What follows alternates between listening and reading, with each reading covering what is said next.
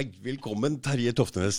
Jævlig hyggelig at du kom. eh, Jeg driver og surra litt her før vi fikk i gang. Vi er litt amatør, men du er jo Norges beste dokumentarfilmlager, og du har lagd veldig spennende filmer, bl.a. den siste din som er, heter 'Fri fra kreft'. Og den anbefaler jeg alle som har noen som har antydning til kreft, det, det, eller i familien eller et eller annet. fordi etter at jeg så den filmen, så tenkte jeg dette her må bare folk vite om. Det er, den er så viktig. Og, og du har jo hatt kreft altså Du, du fikk jo kreft sjøl også. Og ja. Og det spesielle med dette her er jo at du lagde jo en film før det. Hva, hva het den filmen for en? Ja, vi lagde en film som het 'Bevissthetens kreative spill'. Mhm. Eh, jeg må selvfølgelig takke deg for den spesielt hyggelige innledningen Ja, her. det er, det, det er Det var nok kanskje å ta litt hardt Nei, i det. Nei, jeg, eh, jeg, jeg, men, mener det. eh, Ja, nei da. eh, jeg har jo holdt på eh, de siste 10-15 årene å lage dokumentarfilmer. Mhm. Før det så har jeg jobbet eh, et langt liv med informasjonsfilm. Mm -hmm. Og jobbet for veldig mange bedrifter og organisasjoner med å lage opplysningsfilmer og promotionfilmer. Mhm. og multimediainnslag og sånne ting. Så eh, det har jo vært faget mitt, da. Så, Mhm. Men, men, ja. men hvorfor kom du egentlig inn For, for du brenner for dette her, ikke sant? Og den første, den første filmen du lagde, det, var det den om Corn Ja, I 2003, eller den kom vel ut egentlig i 2006, da, så lagde jeg en, eller vi lagde en dokumentarfilm som het uh, 'Visittkort fra det ukjente', mm. som handlet om eh, kornsirkler, som uh, er jo et eh, veldig Veldig- spesielt Veldig spesielt. fenomen som, eh, som pågikk spesielt i England. Eh, så jeg var der borte en sommer og tittet på dette her, og eh, jeg spurte jo først liksom hvem er det, hva slags kunstnere er det som holder på med dette her? Ja.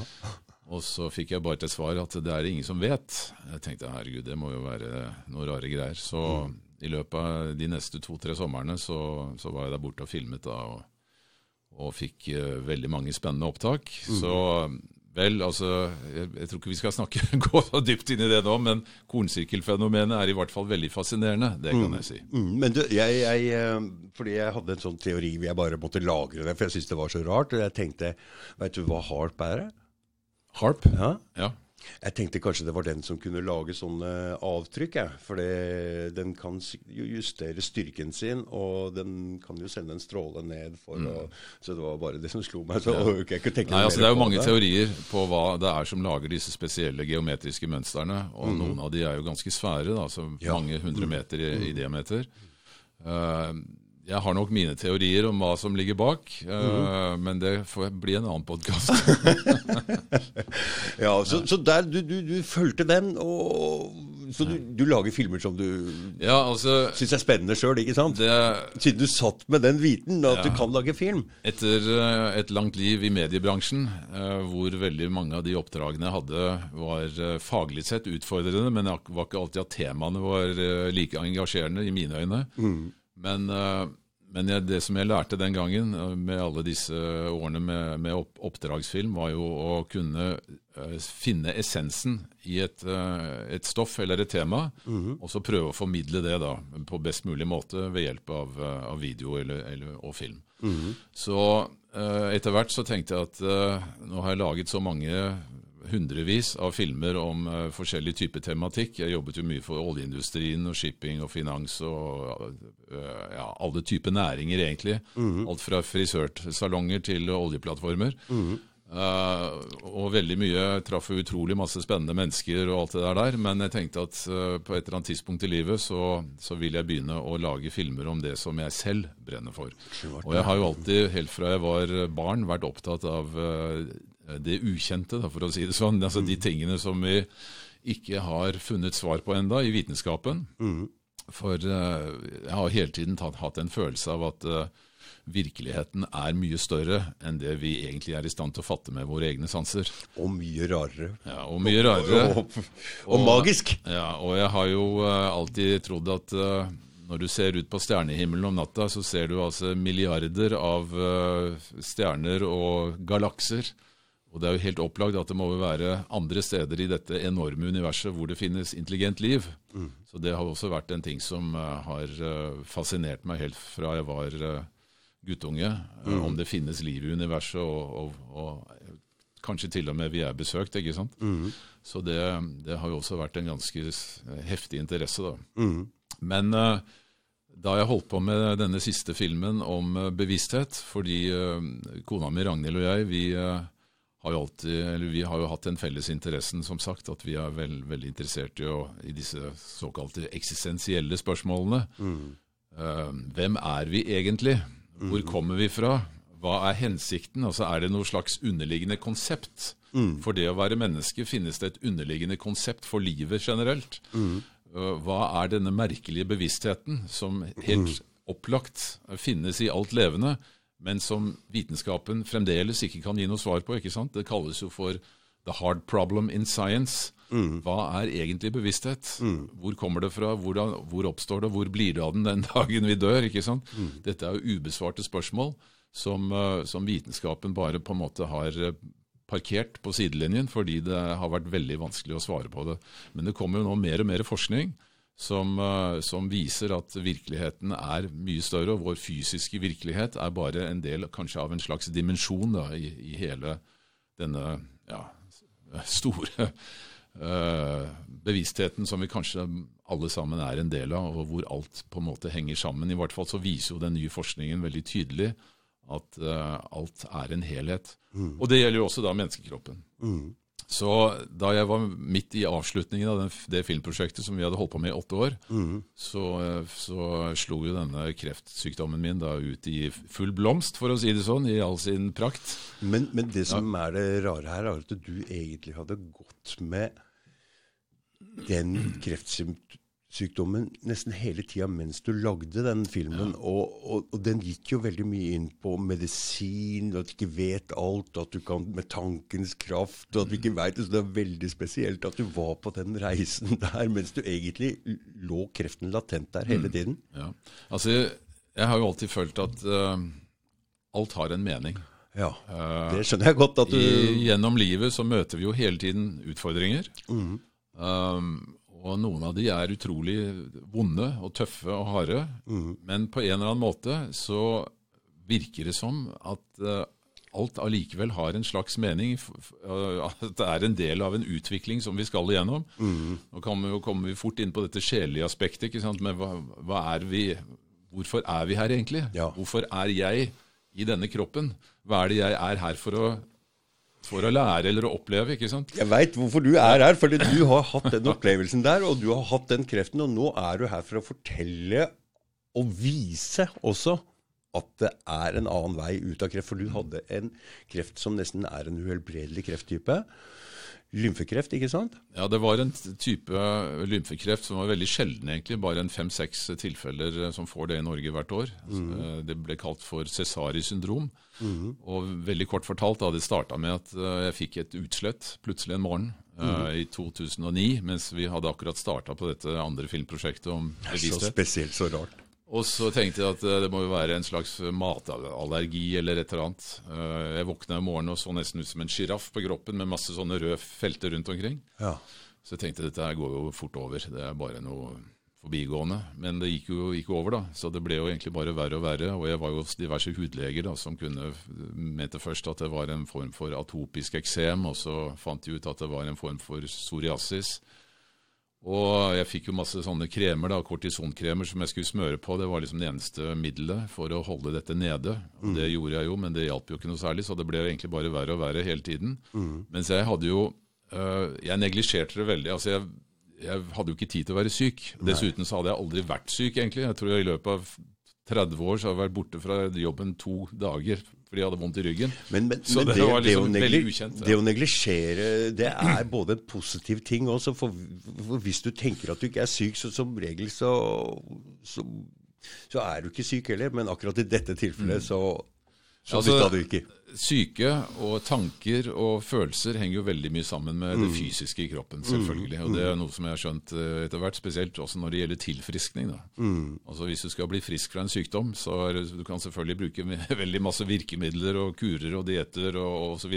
Men du må tro på det. Men du må tro på det. altså det vi har jo noe som heter placeboeffekten, som heller ikke vitenskapen egentlig kan si hva er. Nei. Men vi vet det at folk som har en eh, sterk overbevisning om at de skal bli friske, de har en mye større sjanse til å bli friske enn de som på en måte har satt seg i baksetet og, og overlatt sykdommen til legene. ikke sant? Men det, det er for så vidt en annen sak. Men poenget var at uh, her, eh, disse hudproblemene som jeg hadde, da, de ble egentlig bare verre og verre og verre. Inntil en dag i 2016 hvor jeg plutselig fikk uh, noen store svulster som, som vokste ut uh, på, på baken og på lårene og på magen. Da går det ikke an å neglisjere mer, for Nei. det der så ikke ut. Du Altså, viste jo det i filmen din. Du, du, oh my god. Du sitter med en snusboks der, Ja. og det var, det, den størrelsen var ja. helt identisk. ja, de, men de var svære. Og Da det, nytter det ikke å late som ingenting lenger. nei, så da, da var, måtte jeg jo innse at noe helt al ganske alvorlig var på gang. Da. Ja. Så da endte jeg jo selvfølgelig på hudavdelingen på Rikshospitalet først. Fastlegen min sendte meg dit. og så ble det tatt noen prøver, og så sendte de meg til Radiumhospitalet. Og Der stilte de da denne diagnosen, da, at eh, det var dette spesielle syndromet, som var en veldig spesiell form for lymfekreft. Og jeg fikk jo beskjed om at dette er dessverre uhelbredelig. Det er ingen noensinne, verken i Norge eller eh, i andre vestlige land, som har blitt frisk av den sykdommen. Um, så, men vi kan gi deg medisiner for å holde dette nede, sa de. Jeg kunne få en spesiell form for immunterapi, altså interferon, som er det, det stoffet som eh, skal vi si, fyrer opp immunsystemet. Som kroppen lager selv, men som du når du fall sprøyter med det, så blir immunsystemet enda mer aktivt, og så slår det da dette noe ned. Og Hvis ikke det funka, for det funka bare i 20% av tilfellene, så kunne de bruke cellegift. Og jeg måtte også da selvfølgelig aller først få strålebehandling på disse svære svulstene. da. Eh, men eh, det var uhelbredelig, og jeg ville aldri bli frisk. Og jeg gikk jo rett hjem og googla prognosene. eh, Og på eh, Radiumhospitalets egne nettsider så så jeg at eh, såkalt median overlevelse var på 32 måneder. Altså eh, ja, sånn inntil tre års overlevelse da, i snitt på de som hadde den sykdommen. Bare 15% av de som eh, hadde sykdommen, klarte å leve i inntil fem år. Mens på amerikanske nettsider så sto det at overlevelsen var på mellom to til fire år. Ja. Så eh, det, på sykehuset sa de at de, de brukte ikke de ordene, men eh, jeg fikk jo også en sterk følelse der at uh, dette her var ganske alvorlig. Så fremtidsutsiktene var ikke så veldig hyggelige. Men jeg fikk en sånn følelse etter hvert at fader ulland, jeg vil bli frisk. Jeg vil leve. Jeg vil ikke gå med en sånn fotlenke rundt beinet inntil jeg skal eh, ta farvel om noen få år. Jeg er nødt til å finne ut hva som er årsaken. altså Hvorfor har kroppen utviklet denne sykdommen? Og det, det som var det spesielle, var jo at jeg spurte jo, det var første jeg spurte når jeg var på, på Radiumhospitalet, hvorfor har jeg fått dette?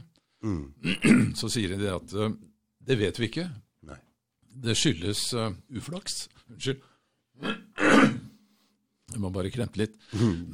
Det skyldes uh, uflaks. Um, vi har ingen eh, studier som kan påvise noen sammenhenger mellom levesett, kosthold og så, sånne ting. Eh, og vi vet jo at kreft er en genetisk sykdom, sa de, som oppstår fordi at noen celler plutselig begynner å få en annen genetisk eh, signatur. Og hvis ikke kroppen klarer å, å fjerne de, noe som kroppen stort sett som regel klarer, men av og til så klarer ikke kroppen å fjerne de cellene som har fått da, sånne uheldige mutasjoner, og så begynner det å vokse, og så blir det kreft.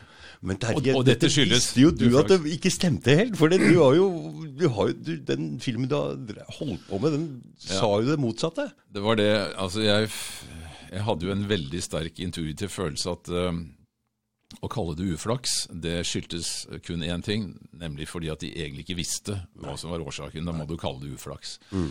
Og jeg spurte jo, jeg sa jo med en gang men det må jo være en årsak. Det er jo en grunn til at kroppen utvikler denne tilstanden. Det er jo ikke noe som har kommet kastende på kroppen min, kastende liksom sånn fra det store intet. Så jeg tenkte jeg vil ikke umiddelbart si ja takk til den behandlingen de tilbød. Jeg ville, altså Cellegift er en uh, forferdelig uh, tung ting å få inn i kroppen.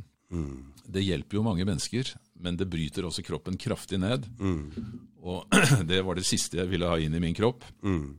Så jeg tenkte før jeg går dit, og også dette med, med immunterapi, altså det å uh, injisere kjemiske stoffer i kroppen som skal eh, stimulere eh, immunsystemet ditt. Det har også mange bivirkninger. Jeg visste at det var mye bivirkninger med det, at du fikk influensasymptomer. For, for, kroppen din går løs på friske ting òg, ikke sant? Ja, Eller altså immun, det, immunforsvaret? Immunforsvaret skal man ikke spøke for mye med. Altså, det er veldig greit å ha et klokt immunforsvar, men ikke nødvendigvis et uh, altfor alt heftig immunforsvar, for da kan du få reaksjoner som ikke er så veldig hyggelige. Mm. Så det der å begynne å, å, å, å trikse med det, det syns jeg var litt skummelt. Mm. Uh, så jeg tenkte at uh, før jeg eventuelt sier ja til det, også denne strålebehandlingen, som jeg visste også hadde bieffekter mm. uh, Nå var heldigvis altså Det de sa da, var at denne kreftformen min var ikke så veldig aggressiv. Nei. Den, jeg ville liksom ikke Altså Prognosen da var relativt lang, mente de. da. Ja, tre, så, sånn at eh, jeg tenkte ok, hvis ikke dette er så kjempeaggressivt, selv om jeg så at disse svulstene de vokste ut bare på noen få uker, oh, ja. så tenkte jeg jeg vil prøve noe annet først. Og så hadde jeg jo, fordi jeg hadde vært i kontakt med det skal vi si, alternative mm. medisinske miljøet tidligere. Mm. Jeg har også en bror som uh, er, jobber med biologisk medisin, mm. og som, har vært, uh, ut, som er utdannet naturterapeut fra uh, NAN. Mm. Og han rådet meg jo ganske tidlig til å, å, å, enten hjelpe meg selv eller å bruke en av hans kollegaer. Og jeg var litt sånn tvilende til det utgangspunktet, for jeg tenkte hvis dette går den veien høna sparker, så vil jeg ikke at han skal sitte igjen med skyldfølelse. ikke sant? Mm, mm, mm. Så det, jeg tenkte ok, jeg får prøve å håndtere dette på egen hånd. Mm. Men, uh, men, da jeg fikk denne kreftdiagnosen da, den dagen, så det første jeg tenkte fader ulland, må jeg ringe broren min. Ja. Jeg må få hjelp til å prøve å gjøre noe med den bakenforliggende årsaken. Og det er sannsynligvis det lureste valget jeg har tatt noensinne. Mm. Fordi eh, han sa ok, Terje. Eh, jeg tror det lureste er at du går til min kollega, som, med, som er ernæringsmedisiner, driver med biologisk medisin. Han er kjempeflink. Så jeg dro til han og fikk time der med en gang. Og han tok da en grundig analyse av kroppen min og fant jo ut av en hel bråte ting som, uh, som han sa at uh, jeg, jeg, kan ikke kurere kreften din, det har jeg heller ikke lov til. Jeg har ikke lov til å behandle den, men jeg ser jo at din allmenntilstand uh, er forårsaket av veldig mange ubalanser som du har utviklet over lang tid. Jeg kan komme inn på dette litt seinere. Mm. Men i hvert fall, jeg startet jo da på en sånn kur umiddelbart. du, bare vent litt. Du, Jan, kan ikke du gå ta den bikkja og bare sparke den ut av døra? Jeg, orker, jeg blir så, jeg blir så forstyrra av at han sånn uler den løpetida. Sånn er det å ha en uh, gammel hannbikkje i huset når det er noen som har løpetid i nærheten. Det er helt ille. Da, det har nesten ikke vært Naboene her eh, sa til meg dette går ikke lenger. Den sitter Bare jeg er ute en tid Så jeg fikk beskjed om å bare kvitte meg med det. Ja, jeg har en hannbikkje eh, selv som eh, også er helt helt berserk når bikkja som holder til noen hundre meter lenger nede i veien, har løpetid. Så det er helt, det er helt, naturen er ganske heftig sånn. Og, og, det er livskraft. Det er livskraft til de grader. Ja. Det er livskraft, og det Akkurat når du var inne på det der i stad med For jeg så jo filmen din om ski og livskraft, og når du mm. ser en løvetann sprenger seg opp gjennom asfalten, den vil leve. Ja. Og det vil alle vi mennesker også. Den kraften Jeg lurer på, er den er det den felles menneskelivskraften som vi kobler oss på, er, som er kjønnsdrift, lever, alt mulig? Er, altså, er jo, nå kommer vi inn på det som er virkelig interessant, og som også er veldig interessant i kreftsammenheng. Mm. Fordi uh, altså, hva er en kreftcelle? Mm. Hvorfor, hvorfor uh, konverterer celler i kroppen til kreftceller? Ja. Det er det som er uh, kjernen i alt dette. Ja. Men uh, bare for å avslutte min egen historie, da, som er veldig som var bakgrunnen for mm, dette. Mm, mm, mm. poenget var det at jeg valgte å si nei til sykehusets behandling mm. i hele fire måneder. Og I løpet av de fire månedene så gikk jeg da på en rensekur som jeg fikk av denne naturterapeuten. Mm -hmm. uh, korte trekk så gikk det ut på at uh, altså, han så at jeg hadde veldig dårlig leverfunksjon. Ja. Han sa at leveren din er full av giftstoffer. Mm -hmm. så Det må vi gjøre noe med. Hvor gammel er du, Terje? Jeg er 70. Du er 70. Ja. Du ser veldig ung ut. Så eh, takk, takk i like måte. Men du er nok betydelig yngre. Men uh, nok av det. Altså, han sa at du, du, har en veldig dårlig leverfunksjon. Leveren din er full av giftstoffer. og Du har også dårlig nyrefunksjon. Og lymfesystemet ditt er jo full av, også av giftstoffer. Det er pga. at man i løpet av et helt liv samler ja. seg opp dritt i leveren, ikke sant? Ja, og så sier han det at uh, du har også en, uh, en uheldig tarmflora tarmflora, hvor hvor du mm. får ha mye giftstoffer i tarmen. Ja. Og Det som skjer eh, når du har en, eh, mye altså, uheldige bakterier i tarmen, mm. så uh, får du betennelser i denne veldig veldig syltynne tarmslimhinna, ja. som, som, skiller tarminnholdet fra blodet. Altså du vet Når du får mat inn i kroppen, mm. så går det først gjennom en prosess i magen hvor du liksom, de verste bakteriene blir tatt av uh, surheten i magesyra. Mm. Så går det inn i tarmen, og så skal det brytes ned. Da. Og så har du da milliarder med tarmbakterier som bryter maten ned og skal finne ut hva som er uh, næringsstoffer, mm. hva som er vitaminer, mineraler, uh, aminosyrer osv. som kroppen kan bruke. Mm. Og så er alle disse giftstoffene, avfallsstoffene, som du ikke skal ha, det skal da holdes uh, Altså det skal ut av kroppen, ikke sant. Mm. Men de næringsstoffene de skal da transporteres gjennom tarmveggen. Mm. Eh, og over i blodet. Ja, og dette skjer da gjennom noen utrolig sånne mikro, mikro eh, små eh, porter, eller hull, huller i denne tarmslimhinna. Mm. Og så skal samtidig alle molekyler som ikke skal over i blodet, det skal holdes borte. Så dette er en utrolig komplisert mikrobiologisk prosess som skjer i tarmen din hele tiden. Mm. Hvis du får altfor mye giftstoffer i tarmen over lang tid, mm. så får du betennelser i denne tarmslimhinna. Ja. Og de betennelsene fører da til at disse porene eller åpningene ofte blir større, at du får det som kalles for lekk tarm. Ja. Og dermed så begynner du å få giftstoffer fra tarminnholdet over i blodet, mm. som da eh, kroppen må prøve å avgifte igjen. Så leveren prøver å sile ut dette og sender det der tilbake, så mm. men så kommer det inn i tarmen igjen. og så får du da en sånn sirkulering mm. av giftstoffer mm. som over tid da fører til at du blir kronisk syk, rett og slett, på en eller annen måte. Mm. Og du kan si at uh, i vårt vestlige kosthold så finnes det veldig mye giftstoffer mm. som kroppen ikke har lært seg fra evolusjonsutviklingen uh, å kunne håndtere. Ja, for det har kommet nå nye 20 Ikke sant? 20, altså vi, Hvis du spoler eh, noen 10 000 år tilbake, mm. så hadde vi i vår skal vi si, matinntaket da, så fikk vi inn mye mikroorganismer gjennom kanskje sånn halvråttent kjøtt. og vi spiste planter som inneholdt uh, forskjellige bakterier, vi drakk forurenset vann osv. Mm. Og gjennom tusenvis på tusenvis av år så har kroppen lært seg å filtrere ut dette og mm. håndtere det. Mm. Uh, selvfølgelig ble folk sikkert syke den, den, gangen også, men de, i hvert fall så var rensesystemet i kroppen veldig tunet inn på de tingene som fantes i den naturlige økologien, ikke sant? Som, mm. som vi, vi, da også fikk inn i kroppen. I løpet av de siste 100 årene med industrialisert mat og mye sprøytemidler på kornåkrene og mye rart i det vi uh, ellers spiser og drikker, så får vi inn så mye uh, giftstoffer i, kroppen som kroppen egentlig ikke har lært seg til å kunne håndtere, sånn at det skaper betennelser. Så får vi altså først betennelser i tarmslimhinna pga. diverse matintoleranser. Får vi lekt tarm, og så får vi dette over i blodet. Og så blir det som kroppen da ikke klarer å rense ut, det må da deponeres. Så vi har sånne små giftposer som blir plassert rundt omkring i kroppen. Noe i leveren, oh, ja. noe i huden, noe mm. i vevet. Noe ja, altså Stort sett Litt avhengig av hvordan du er genetisk. Mm. Så vil kroppen deponere dette. Mm. Og Når det blir stående for lenge, kanskje over år, ikke sant, så det er det mm. rett og slett som en gifttønne på en måte som fylles sakte, men sikkert. Mm. Og plutselig en dag, når du er sånn eh, oppi 50-60-åra, så renner den tønna med gift over, og så får du plutselig en sånn uforklarlig øh, kronisk sykdom som kommer tilsynelatende fra intet, mm. men som er fordi at du har for mye giftstoffer i kroppen.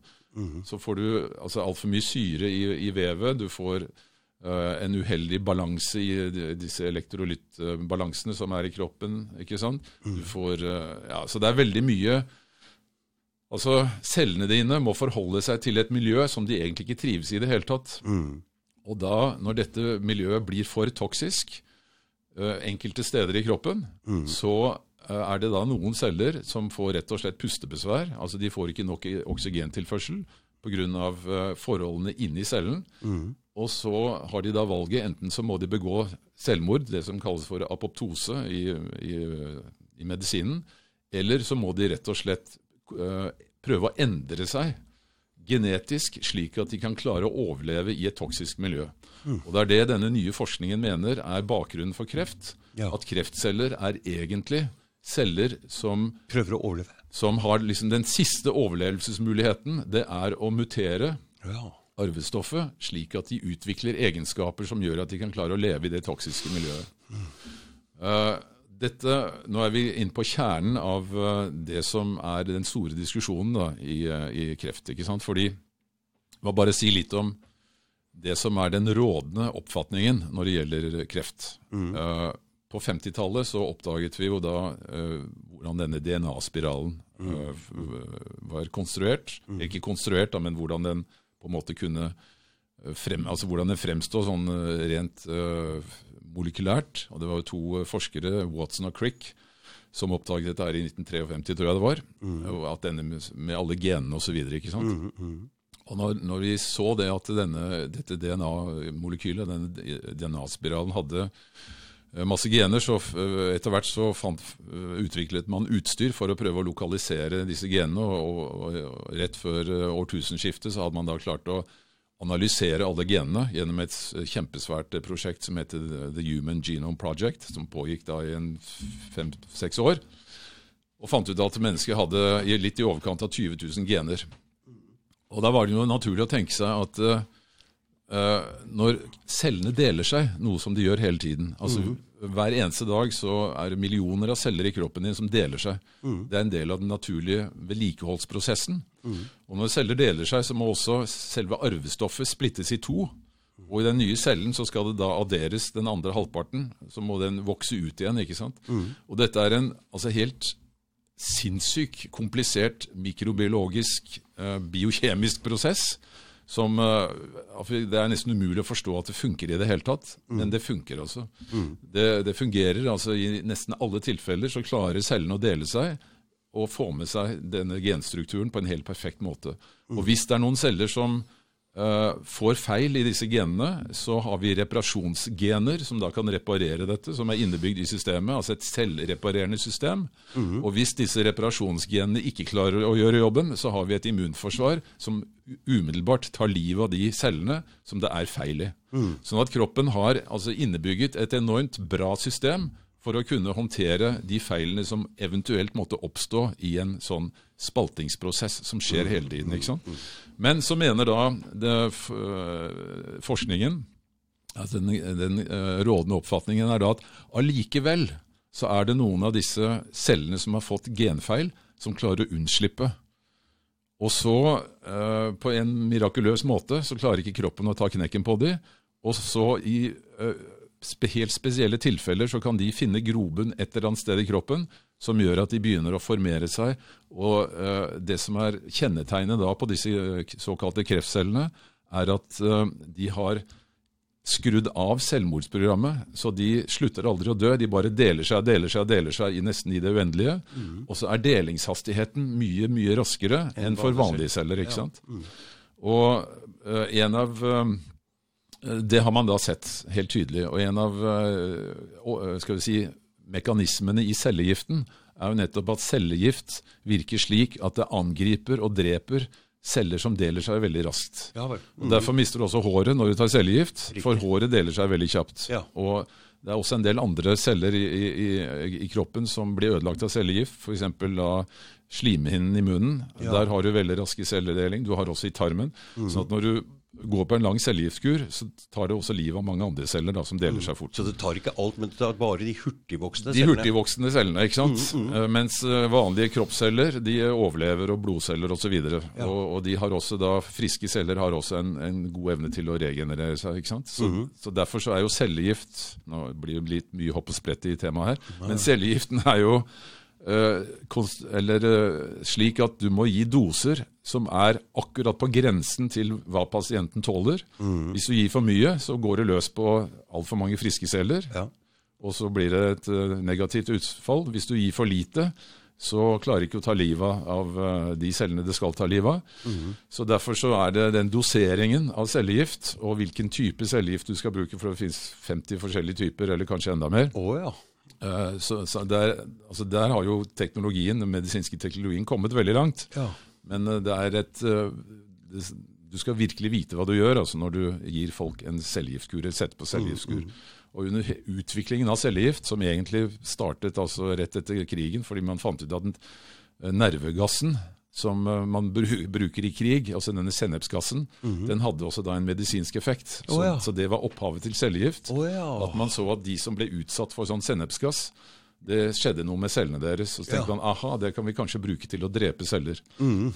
Eh, så det var bakgrunnen for hele utviklingen av cellegift. Så har jo det da utviklet seg eh, Så et kjemisk våpen, egentlig? Ja, altså det er et kjemisk våpen, ja, ja, ja, rett og slett. Mm, Men du må bare ikke gi så høy dose at du tar livet av hele mm. cellesystemet. Da. Men nok av det. Eh, det er altså teorien at det er eh, tilfeldigheter, eh, livets tilfeldige spill i celledelingen, som gjør at noen celler får mutasjoner. Og det er ikke bare én mutasjon som trengs, det er som regel en lang serie med mutasjoner. Og at disse mutasjonene kan da gi opphav til kreftceller, og i enkelte tilfeller så klarer ikke kroppen å, å eliminere disse cellene, og så får de etablert en egen cellekoloni på et sted hvor det er hopp, uh, fruktbar jord, da, for å si det sånn, for akkurat den type celler, og så blir det til en kreftsvulst. Og øh, når denne kreftsvulsten har stått der lenge nok, kanskje over år, så kan det hende at noen av disse cellene klarer å uh, rive seg løs og transportert, bli transportert med blodet til andre steder i kroppen. Riktig. Dette er den eksisterende teorien som heter den somatiske mutasjonsteorien, SMT. Og den har man eh, da eh, tatt nærmest som eh, gitt etter at man oppdaget DNA-spiralen, hvordan dette, hele dette hang sammen. Og det er aldri noen som har klart å bevise at det er sånn. Nei. Men fordi sannsynligheten virker så iøynefallende, så har man rett og slett bare godtatt at det er det som er årsaken. At det skjer tilfeldige celledelinger. Derfor kaller man det også for uflaks. ikke sant? For Du skal ha uflaks hvis, dette, hvis kroppen ikke klarer å stoppe dette, så er det liksom uflaks.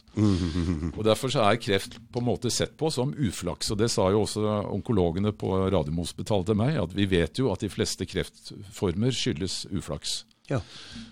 Jeg var uenig, eh, fordi jeg hadde jobbet med bl.a. en film eh, noen år tidligere som vi kalte Levende helse, hvor vi så nettopp på disse selvregenererende og selvregulerende og selvhelbredende mekanismene som vi har i kroppen. Altså Kroppen er jo helt fantastisk når det gjelder å eh, skal vi si, vedlikeholde seg selv. Altså Det er jo egentlig et mirakel at alle disse utrolig eh, kompliserte systemene i kroppen din, som skal hele tiden holde disse balansene i gang, eh, klarer å, å få det til gjennom et langt liv. Det, altså, det, det, skulle, altså, det er så lite som skal til før hele systemet kollapser at det er helt ufattelig at vi klarer å, å holde det gående i 80-90 år. ikke sant? altså Når du tenker på, på eh, alt det som skjer på, helt ned på skal vi si, molekylært nivå mm. F.eks. når du skal lage proteiner. Da.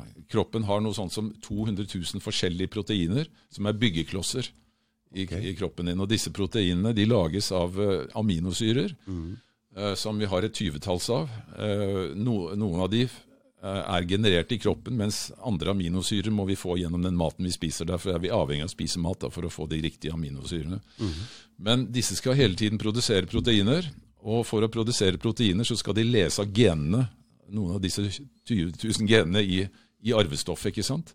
Så kan du spørre, hvordan vet en aminosyre, som er altså eh, mikromolekyler, hvilke gener de skal lese av for å skape de riktige proteinene som trengs akkurat i den prosessen som er i kroppen akkurat nå. Hvordan vet de hvordan de skal lese av, hvordan de skal transportere dette, og når, når, hvordan vet de at, at de skal slutte når nok er nok? Altså Her er det en form for intelligens som styrer dette. Helt opplagt. Det er, kan ikke bare være tilfeldige kjemiske forbindelser. Det er altså et, et styringssystem som er så uh, subtilt. Altså, Vi har ikke instrumenter som kan klare å, å registrere det, men vi bare ser at det skjer. ikke sant? Og Det er det som er innenfor veldig mye av medisinen, at vi, vi ser hva som skjer. Vi har funnet ut utrolig mye av hva som egentlig skjer inni kroppen, og vi har satt navn på det, men vi kan ikke forklare hvorfor det skjer. Nei. Det er bare forklart med at det er underbevisstheten eller instinkt eller whatever. Men altså den store, hvite elefanten i rommet, som eh, jeg velger å kalle bevissthet, eller eh, kosmisk intelligens, eller naturens livskraft, eller hva du vil. Mm. Chi kaller de det i Kina. Prana kaller de det i uh, India, ikke sant? Men Noen kaller det Gud, eller? Noen kaller det Gud, Uh, men det er altså en, en uh, form for bevissthet da, Ja. som, som holder dette systemet i gang. Altså, bare tenk deg at blodet ditt har en konstant pH på 7,365. Eh, uansett hva du putter inn i kroppen, så klarer kroppens reguleringsmekanismer å justere surhetsgraden i blodet ditt. Hvis den endrer seg med en tiendedel, så dør du. Uh, altså, hva er det som styrer det, liksom? Altså, og sånn, alle disse systemene, disse selvregulerende systemene i kroppen, som holder disse, altså væskebalanse, elektrolyttbalanse, surhetsgrad og en million andre type, typer kjemiske balanser skal holdes eh, på et riktig nivå hele tiden. ikke sant? Så det er helt opplagt at kroppen din er full av intelligent liv, for å si det på den måten. Og dessuten så har du jo i kroppen flere Kroppen din er full av intelligent liv, ja. ja, du har, altså, du har flere mikroorganismer i kroppen enn du har levende celler. Altså, du har Et vanlig voksen menneske har ca. 40 000 milliarder celler. Og det er ganske mange. Men vi har nesten ti ganger så mange mikroorganismer i form av bakterier, sopp, parasitter og virus. Og de, alle disse mikroorganismene de lever i en såkalt symbiose. altså De er med på å opprettholde denne såkalte homostasen, da, som er dette vedlike, altså dette selvregulerende systemet. Noen bakterier er, som vi kan få i oss fra utenifra, forstyrrer dette. Noen virus forstyrrer dette. Nå er vi jo midt i en viruspandemi. Vi ser hvordan det forstyrrer disse balansene når vi får det inn i kroppen. Noen parasitter forstyrrer det. Øh, sopp kan forstyrre det. Men hele tiden så jobber kroppen intenst for å holde disse balansene ved like. Og det er altså helt Egentlig så skulle ikke vi levd i det hele tatt. Altså Det er et mirakel rett og slett at vi klarer å leve når du tenker på alt det som er avhengig av å få dette systemet til å fungere til enhver tid gjennom hele døgnet. ikke sant? Så det er oss. Det er oss. Så, Det er et helt, et helt system med så du, altså, du lever i en container som inneholder et helt sinnssykt komplisert og komplekst økosystem Ja. med egne celler som lever i side om side med En hel verden. Et, et helt univers. Altså Det er som et univers, et mikrounivers inni deg. Ja. Og vi tenker jo ikke på dette til daglig, ikke sant? Men hver gang du putter et eller annet inn i munnen, ja. så mater du dette universet Ja, med noe. her kommer, her kommer, her kommer uh, greia. Og etterpå du skal, eh, du skal jaggu meg få vise meg en sånn renselsekur som du, som du har tatt sjøl. For jeg, jeg kan jo ikke gå upåvirka gjennom en sånn podkast som det her. Så jeg begynner å bli gammel sjøl og begynner å få litt vondt her og der. Og, ja.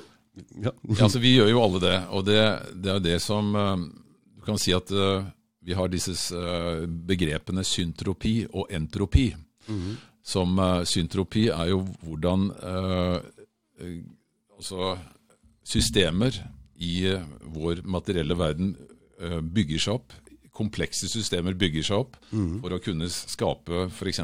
flercellede organismer som vi er. ikke sant? Mm.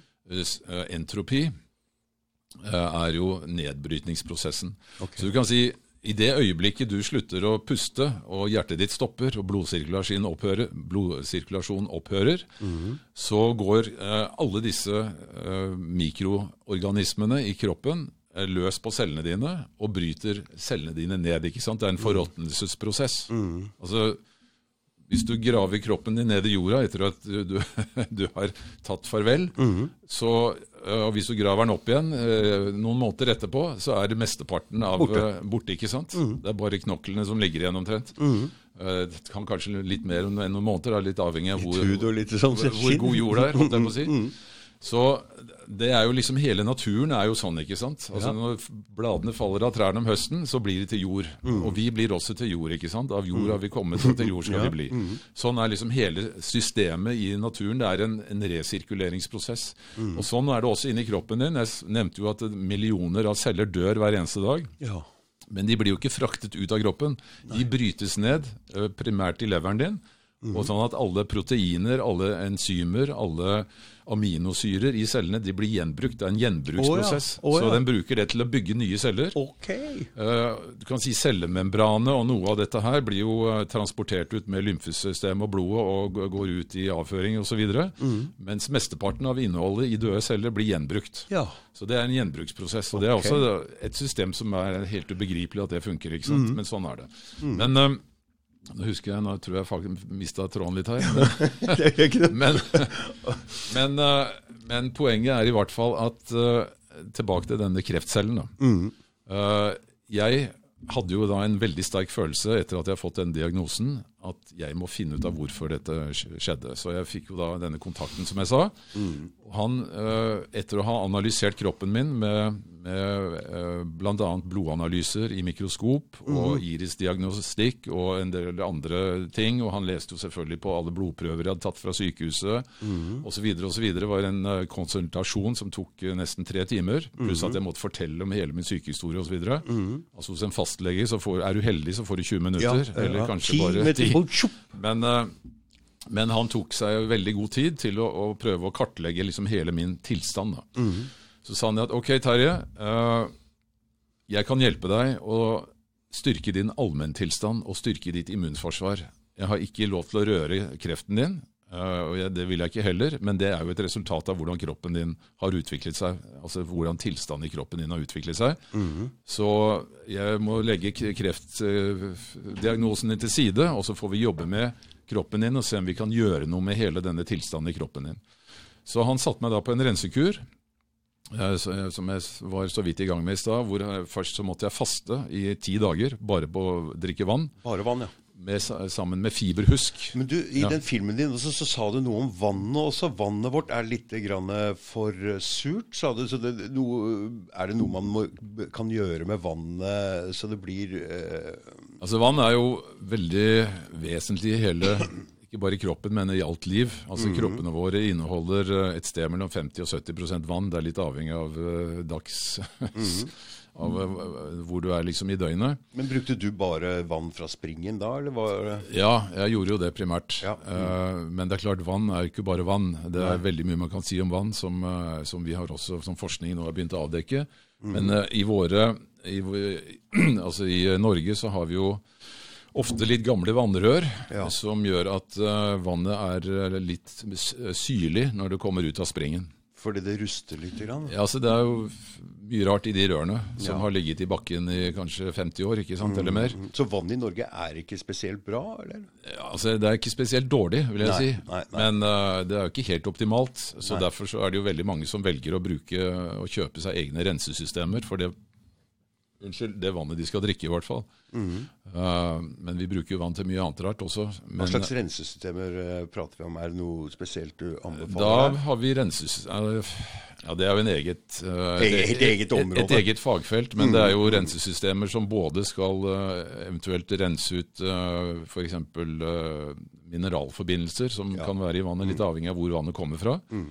Eh, som også skal eh, sørge for at vannet får en, en mer gunstig pH, at det ikke blir for surt. Altså, Hva med destillert vann, har jeg hørt en del om. Uh, ja, altså jeg, jeg er ikke noen spesialist Nei, på dette, nei, nei, men jeg bare vet at uh, f.eks. en kar som heter Lars Ranes, Mm. han kan alt som man trenger å vite om vann. Riktig. Eh, så det finnes veldig mange eh, både teorier og systemer for å kunne få et, eh, et bedre drikkevann. Da. Mm. Men, Det er noen som sier at det renner vann når det renner sånn i virvler, at det får rensa seg all Ja, dritten da, ikke altså, sant? hvis vi skal ta et lite sidespor her, så, Kan vi godt. så kan vi jo For vann er viktig. så viser jo vann, altså vannforskningen nå at eh, eh, vann har struktur, litt avhengig av eh, opphavet. Eh, og vann har også eh, veldig sannsynlig en slags hukommelse. Eh, vann som er i bevegelse, eh, anses som å være sunnere enn vann som har stått stille altfor lenge. Eh, Jeg vil ikke gå altfor langt inn i forskningen der, men det er i hvert fall veldig mye forskning som eh, er veldig spennende når det gjelder vann. Vann har jo noen helt merkelige egenskaper i forhold til andre flytende væsker. Mm. vann har jo, som vi eh, er kjent med, da, liksom tre forskjellige faser. altså Enten så er det fast, fast form, oh, Ja, ja, sånn, ja. Mm. is, ikke sant? Ja. Mm. Eller så er det flytende i form av det, det vi kaller vann, eller så er det en gass som vi kaller damp. Mm. Nå viser jo ny forskning at det også har en fjerde fase, faktisk, som er en geléfase, eh, som, eh, som eh, kalles for eh, ES EZ-vann, altså exclusion zone-vann. For det viser seg at eh, eh, ja, Nå tar jeg et lite sidesprang her. Men, men inni kroppen vår så er det vannet som er inni cellene, det er ikke flytende vann, sånn som eh, det som kommer ut av springen. Det er geléaktig. Ja. Og Det er også sannsynligvis for at uh, man skal klare å holde alle disse forskjellige organene inn i et visst system inni cellen. Eh, ja, det, skal, det var jo en spekulasjon, men det er en grunn til at vannet er geléaktig. Og det skyldes at vannet har en annen struktur enn vanlig vann. Altså Vanlig vann har jo den kjemiske formelen på H2O, mens dette gelévannet da, det, er, eh, det uh, har en formel eh, som er H3O4. Og det gjør at, eh, at eh, denne geléformen for vann, den eh, er på en måte samme som hvis du tar sånn vanlig gelatinpulver Ja. og blander i vann og varmer det opp, så får du en geléklump. ikke sant? Men i den geléklumpen så er det altså 99,9% vann, og resten er da dette pulveret som gjør at vannet binder seg til en nærmest fast masse. ikke sant? Og det er det man mener er- foregår også inni cellene, at eh, proteiner sammen med dette spesielle uh, disse spesielle spenningene som er i det vannet uh, som du får, uh, som er i cellene, det gjør at det blir en slags geléform av det. Mm. Men Så det vet man nå om vann, og det er i ferd med å åpne en helt ny forskning på det som skjer inni celleplasma, altså inni i cellen, som jeg skal komme tilbake til. Men øh, vann er så mangt. og øh, det at vannet har hukommelse, har man også klart å fastslå.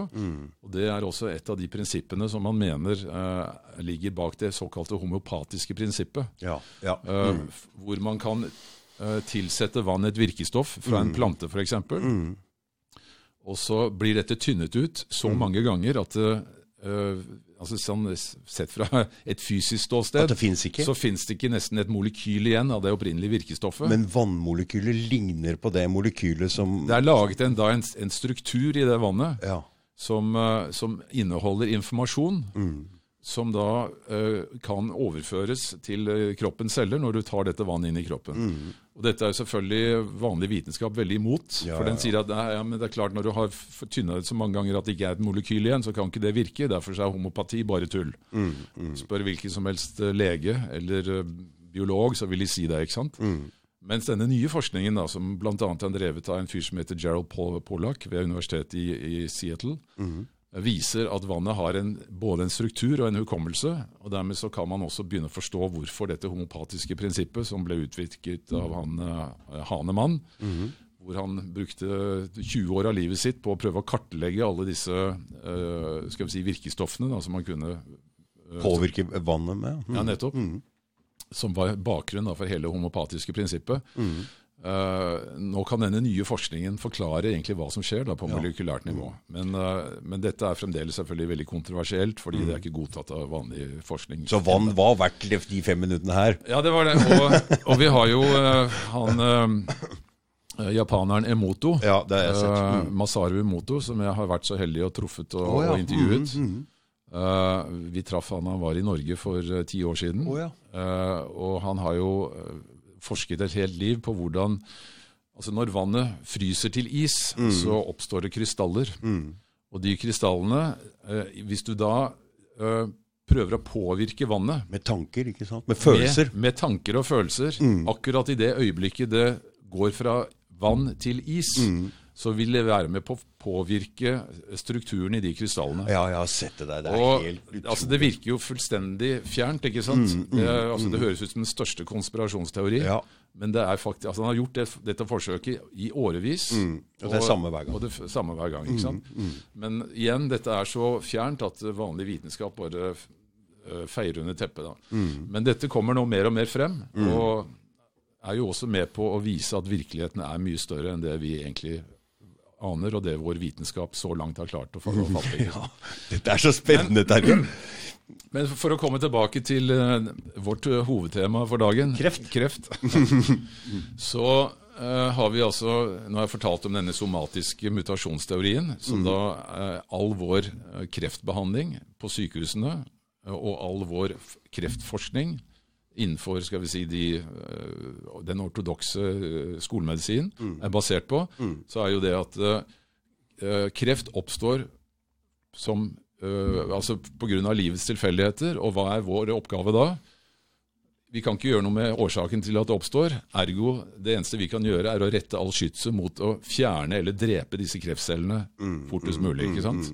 Derfor, Sånn er mye av medisinen. De går aldri til årsaken, men de tar eh, symptomene. ja, men det er fordi at årsaken det er et, det er et, stort, hvitt, øh, altså et stort kart med mange hvite flekker, som er veldig vanskelig. Og altså naturmedisinen, eller det som vi ofte da kaller alternativ medisin, går jo akkurat uh, motsatt. Den, går, den er årsaksrettet, mens veldig mye av vår skolemedisin er symptomrettet. ikke sant? Vi har utviklet fantastiske medisiner. Altså, Hva skulle vi gjort uten Paracet? ikke sant? Men det er jo ikke mangel på Paracet som gjør at du får, at du får vondt i huet. Nei, nei, nei. Men uh, Paraceten kan dempe symptomet. Uh, sånn at uh, vi har jo utviklet fantastiske medisiner til å, å holde sykdommer i sjakk og kunne kontrollere de. Men de fjerner ikke årsaken. Aldri ikke årsaken. Aldri årsaken. Og det, er jo, eh, det var jo det som sto i hodet på meg. da, at mm. skal jeg Jeg måtte jo ta et valg. Skal jeg leve resten av livet på kreftmedisin? Og ta medisiner som holder denne sykdommen i sjakk så lenge det varer? Eller skal jeg tørre å gå en helt annen retning og tråkke min egen løype, så å si, og prøve å finne ut hvorfor har kroppen utviklet denne tilstanden? Og samtidig vise for en hel verden med å lage en film om det. Ja, altså det kom jo i For skjønner, det som skjedde, da eh, eh, Ja, for nå, nå, nå var vi Du begynte å drikke vann i, i ti dager. Det var det du begynte med? Eh, Jeg gikk jo på denne kuren. Ja. Jeg, fastet i ti dager. Bare vann, ja. Mm. Eh, Jeg, eh, jeg kan jo nevne da, før jeg går videre, at jeg har nettopp skrevet ferdig en bok om dette her, som beskriver oh, ja. dette i detalj. Den kommer ut på Gyldendals forlag og, i slutten av mars. Og Den heter så, samme som filmen, 'Fri fra kreft'. Fri fra kreft, ja. Men uh, der beskriver jeg dette i detalj. Jeg skal ikke gå i detalj, her, for da bruker vi opp all tida. Men i hvert fall, jeg eh, startet med en fastekur. Etter fastekuren så gikk jeg over på en eh, ren grønnsakskur som besto av å, å koke grønnsaker og spise eller altså, og leve på grønnsakssuppe. da. Og det gjorde jeg nesten i fire Økologiske grønnsaker Helst økologisk. Det gjorde jeg nesten i fire måneder. Det er bare noe jeg skal spørre om akkurat det der. For når det gjelder rotfrukter, så de som vokser under bakken, så er det Ja. vel ikke viktig at de er økologiske. For det, de drar vel ikke med seg noe gift. Det er vel sprøytemidler vi prater om uh, som er farlig, og det Altså det er klart, En åker som har vært uh, sprøyta i 50 år, den har mye rart i seg. Altså i, i jorda. Ja. Sånn at uh, hvis du snakker om økologisk eh, landbruk kontra eh, konvensjonelt landbruk, så er det helt opplagt at et økologisk landbruk har veldig mange fordeler. Fordi eh, for det første så er det fritt for uh, sprøytemiddelrester. Og det brukes ikke sprøytemidler for å holde insekter unna. Sånn at du får ikke i deg f.eks. dette sprøytemiddelet som heter glyfosat, som er, altså, eller Roundup, er jo en annen eh, ja, for det, det, det går ned i bakken og blir tatt opp av Det er en ugrasdreper. Eh, nå har jo eh, dette store lege, eller eh, kornfirmaet Monsanto, som for øvrig nå er kjøpt opp av Bayer eh, for ikke så lenge siden, de har jo utviklet en kornsort sort som tåler dette spesielle sprøytemiddelet når det gjelder korn. Sånn at eh, kornet tåler å bli sprøyta med glyfosat, mens uh, insektene de tåler ikke, så de dør. ikke sant? Men vi får jo da i oss sånne mikrodoser av, det, av disse sprøytemiddelrestene hver gang vi spiser korn. Eh, Når vi spiser økologisk korn, så får vi ikke dette i oss. Og I tillegg så er altså økologiske grønnsaker mye mer næringsrike. Fordi det som ofte skjer i et um, industrielt landbruk, er at man uh, gjødsler jorda med, nitrogen, uh, altså med kunstgjødsel. Mm. Men man tilfører ikke alle de andre næringsstoffene som er i en naturlig, altså en naturlig jord. Oh, ja, men jeg trodde Så, egentlig bare disse plantene klarte å ta opp de nitrogen, fosfor, og kalium og magnesium og kalsium, ja, som er liksom de fem stoffene som som planter kan ta opp, men de tar ja, altså opp altså, andre ting òg. Det er i hvert fall, Jeg skal ikke gå i detaljer her, men det er i hvert fall en kjensgjerning at et, industri, et økologisk landbruk inneholder mye mer næringsrik mat. Ja. Altså det, Plantene blir, inneholder mye mer av de næringsstoffene som, og i helt andre mengder enn ja. det vi trenger. Okay. Altså Hvis du spiser en appelsin i dag som er vokst på en plantasje nede i Syden et eller annet sted, mm. så er det nesten ikke C-vitaminer i, i, den i det hele tatt. Oh, ja. Men hvis du spiser en appelsin som vokser på et uh, tre i uh, Afrika eller Sør-Amerika mm. som vokser vilt, mm. så er den full av C-vitaminer. ikke sant? Mm. Og det samme med de bananene som vi kjøper i norske butikker.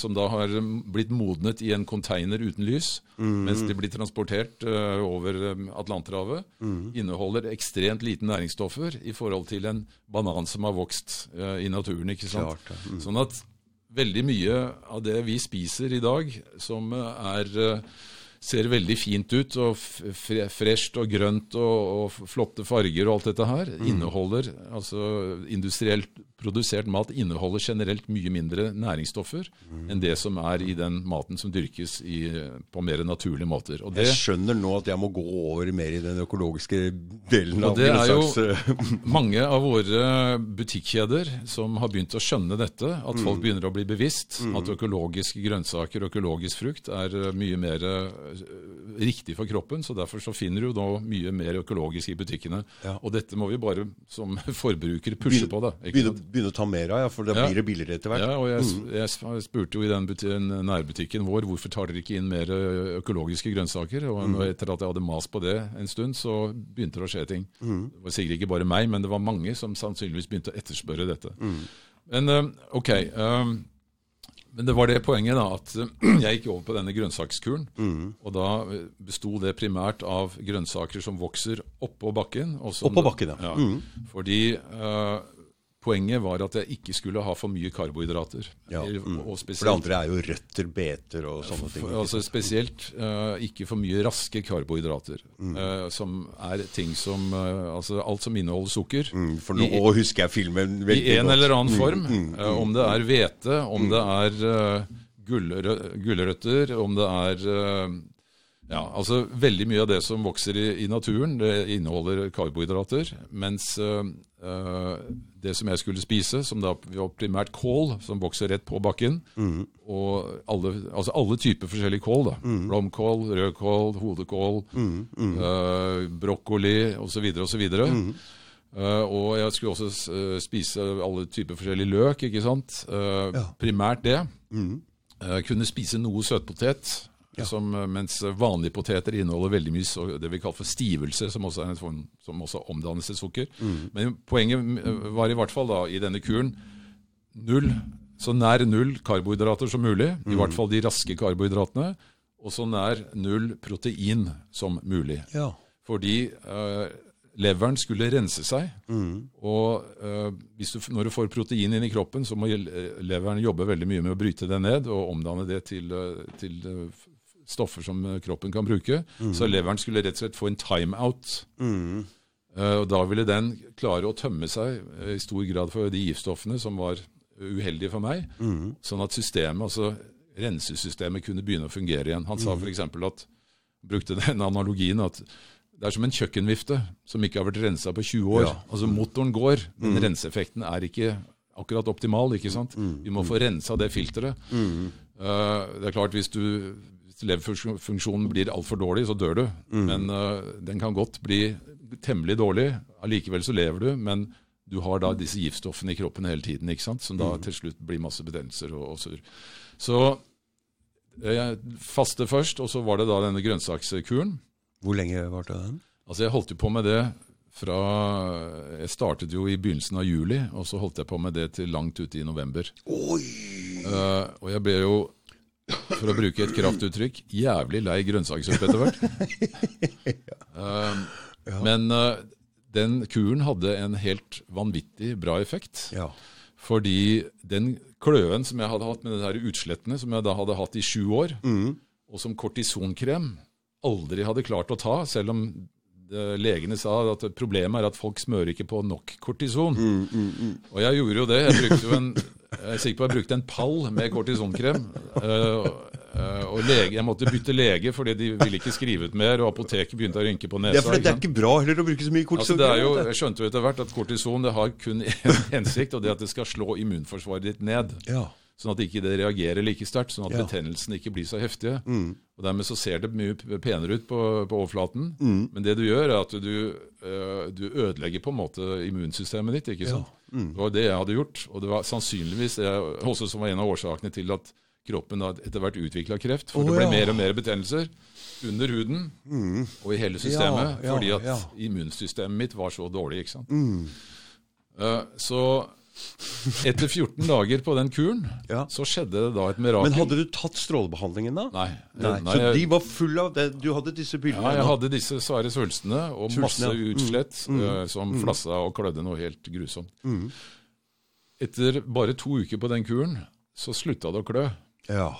Plutselig kunne jeg sove en hel natt uten å ligge og klø meg i hjel. Oh, ja. Altså Det som kortisonkrem ikke hadde klart på alle disse årene, Ja. og som legene sa var den eneste behandlingen som fantes, Mm. det gjorde denne grønnsakskuren altså på et par uker. Mm. Og, Og da visste du at du var på rett spor? da visste jeg at jeg var på i hvert fall et spor som førte i en veldig spennende retning. Mm. Så øh, øh, jeg, gikk jo da på denne grønnsakskuren da videre, og etter en måneds tid uten protein, øh, så sa han nå har leveren din kommet seg såpass at nå kan du begynne å spe på med litt kylling og litt fisk. Nå, det var ti dager med vann, og så en måned med med grønnsakssuppe. En måned med bare grønnsakssuppe, og så kunne jeg spe på med litt kylling og fisk for å få litt Gikk du ned mye i vekt på den tida? tida? I løpet av de seks, seks eh, første ukene så gikk jeg ned eh, nesten 15 kilo. Men eh, nå har jeg jo glemt å si noe av det viktigste. I tillegg til disse grønnsakene så måtte jeg selvfølgelig få i meg nok fett. Ja. Fordi det er jo eh, Altså, fett er jo noe av det mest energirike som finnes. Hvordan fett? Eh, det var eh, Det som jeg, som jeg spiste av fett, det var først og fremst meierismør. Ja. Eh, selv om jeg har fått påvist en allergi mot meieriprodukter, så er det noe helt spesielt med meierismør, for det inneholder så utrolig mye bra. Så jeg spiste Jeg hadde jo veldig mye meierismør i en suppe. For det, det tar du bare i suppa, ikke ja, ja. ja. Olivenolje Ja. Eh, brukte jeg mye. Dyr olivenolje, eller er Nei, altså, gjerne en økologisk sånn ja. uh, kaldpresset eh, Kaldpresset, ja, mm. altså, Det er så mye rart av det der, ja. Det koster altså 80 kroner flaska, eller hva det er. Mm. Men uh, olivenolje, meierismør, kokosolje Kokosolje, ja. Og Den, den stive ja, og også linfrøolje. Ja. Eh, Men det var en del planteoljer som jeg ikke skulle bruke. Solsikkeolje, rapsolje og sånne ting, for det inneholder for mye omega-6. Mens disse andre oljene uh, inneholder mer omega-3, altså det fettet. Også I tillegg kunne jeg spise masse avokado, for det er en fantastisk bra fettkilde. Og etter hvert, når jeg begynte å kunne spise litt protein, så kunne jeg også spise fett fra dyr. Ja. Altså griseflesk Ja. er basisk. Grisekjøtt er veldig surt. ja. Så eh, nå skal ikke jeg gå Men inn ikke bacon. Eh, ja, det er en blanding av fett og kjøtt. da. Ja, ja. Men, men i hvert fall så lenge jeg gikk på denne kuren, så kunne jeg spise griseflesk, og jeg kunne spise andefett. og eh, Så suppa di ble litt bedre og bedre etter hvert. Den ble litt inneholdt litt mer fett og litt mer smak. Og det som skjedde, da eh, uten at vi skal bruke et halvt døgn på denne podkasten, så, så, så, så ble jo jeg bedre og bedre. Altså Alle disse hudfeltene uh, med rød, betent hud, de begynte å krympe tilbake. Jeg kunne se hvordan den friske huden tok over. På beina, på føttene, på armene. ikke sant? Men, men de svulstene Svulstene begynte å gå altså det jeg vil kalle forråtnelse. De ble fulle av hvit materie. Ok! Sånn at det så ut som, som de, altså de cellene begynte å dø inni svulstene. Oi, oi, Og det lukta helt pyton. Oh. Og jeg var jo fremdeles i full jobb. ikke sant? Ja. Jeg drev jo et eh, firma med, med, med, med mange ansatte og ja, ja. hadde måttet stadig kundemøter. Så jeg måtte jo, hver morgen så måtte jeg teipe på meg sånne altså, babybleier med Ja. teip for å holde Oh denne lukta borte. ikke sant? Ja, for det luktet De begynte å råtne opp. Det begynte, og det væsket noe forferdelig. Så hvis jeg ikke hadde på meg eh, skikkelig med plastring i form av sånne ting som sugde opp det der, så gikk jo det gjennom buksa og skjorta i løpet av, altså før lunsj. ikke sant? Det, det, det, det væska Det ut. noe enormt. da. Oi, oi, Så det var, eh, ja, det var ikke lekkert, for å si det sånn. Uh, det var, det, ja, altså De var ganske svære, de største. Det var liksom som en sånn Hva sa legene her nå? uh, Jeg var jo inne på Radiumhospitalet da en gang i, sånn, i måneden Ja. og sa det at Se her, sa jeg. Ja. Min såkalte psoriasis er begynt å forsvinne. Ja. Disse svulstene er begynt å gå i oppløsning. ja. Så sa de at eh, ja, denne sykdommen er kjent for å kunne gå litt opp og ned. Ok, de så det. Så det er nok bare en naturlig eh, greie. Uh, og, jeg må også, Det er en ting jeg har glemt å fortelle her. at Da jeg fikk denne diagnosen, så var jeg også en, jeg hadde to spørsmål. Det ene var jo hvorfor jeg er blitt sjuk, Ja. og det sa de det var uflaks. Mm. Primært. Uh, og det andre spørsmålet mitt var hva kan jeg gjøre selv? Ja. Uh, og da sa de at det er ikke noe særlig du kan gjøre selv, bortsett fra å spise sunt. Ja, hva er sunt da? Nei, vanlig sunt norsk kosthold. Mm. og så kan du selvfølgelig trene, liksom prøve å holde deg i god fysisk form. Sånn. Men utover det så har vi ingen forskning som viser noe sammenheng mellom livsstil og kosthold og denne sykdommen. Og derfor så kan vi heller ikke anbefale Anbefale. noe, for vi er nødt til å støtte alle våre anbefalinger på solid forskning. Som sykehus så kan ikke vi anbefale noe som vi ikke har god dokumentasjon på at har effekt. Ikke sant? du hviska noe bak i Og Derfor så sier de også at vi kan ikke heller da bruke alternativ medisin, Nei. for det tilfredsstiller ikke kriteriene for eh, god forskning, som da veldig ofte er sånne dobbeltblinde, randomiserte studier. Et legemiddel skal jo f.eks. gjennom en utrolig sånt, et nåløye da, av forskning før det blir godkjent. Ja, ja, Eh, og når det gjelder da et kjemisk virkemiddel, så er det for så vidt relativt kurant å, å, å bruke sånne studier på det. ikke sant? For du kan disse dobbeltblinde studiene hvor du har en gruppe med pasienter som får et virkemiddel, og så har du en gruppe pasienter som får noe som de tror er, et, er som s- samme typen piller, men uten virkemiddel. Men ingen vet hva, hvem som har fått hva. Og det, selv de som deler det ut, vet ikke hva, hvem som har fått hva. ikke sant? Og Dermed så kan man se om det er noe virkning, eller om det er ikke virkning. Men det er ikke så lett å gjøre hvis du skal forske på kosthold. For du kan ikke gi folk eh, brokkoli og fortelle dem at det er karamellpudding, eller omvendt. Nei, nei, det går ikke. Altså, sånn at Det å drive med randomiserte, dobbeltblinde studier på kosthold og dietter er nesten helt umulig. Og så er det jo ikke noe derfor- penger i det heller. Er det, Du kan ikke patentere et kosthold, Nei, nei, men du kan patentere en medisin. Og Derfor så er vårt skolesystem, helse, altså vår skolemedisin, Uh, den kan ikke bruke alternative terapier, fordi at de tilfredsstiller ikke de samme kriteriene som man bruker når man forsker på legemidler. Så det er, liksom, det, er løv, altså, det er en barriere der som er nesten umulig å trenge gjennom.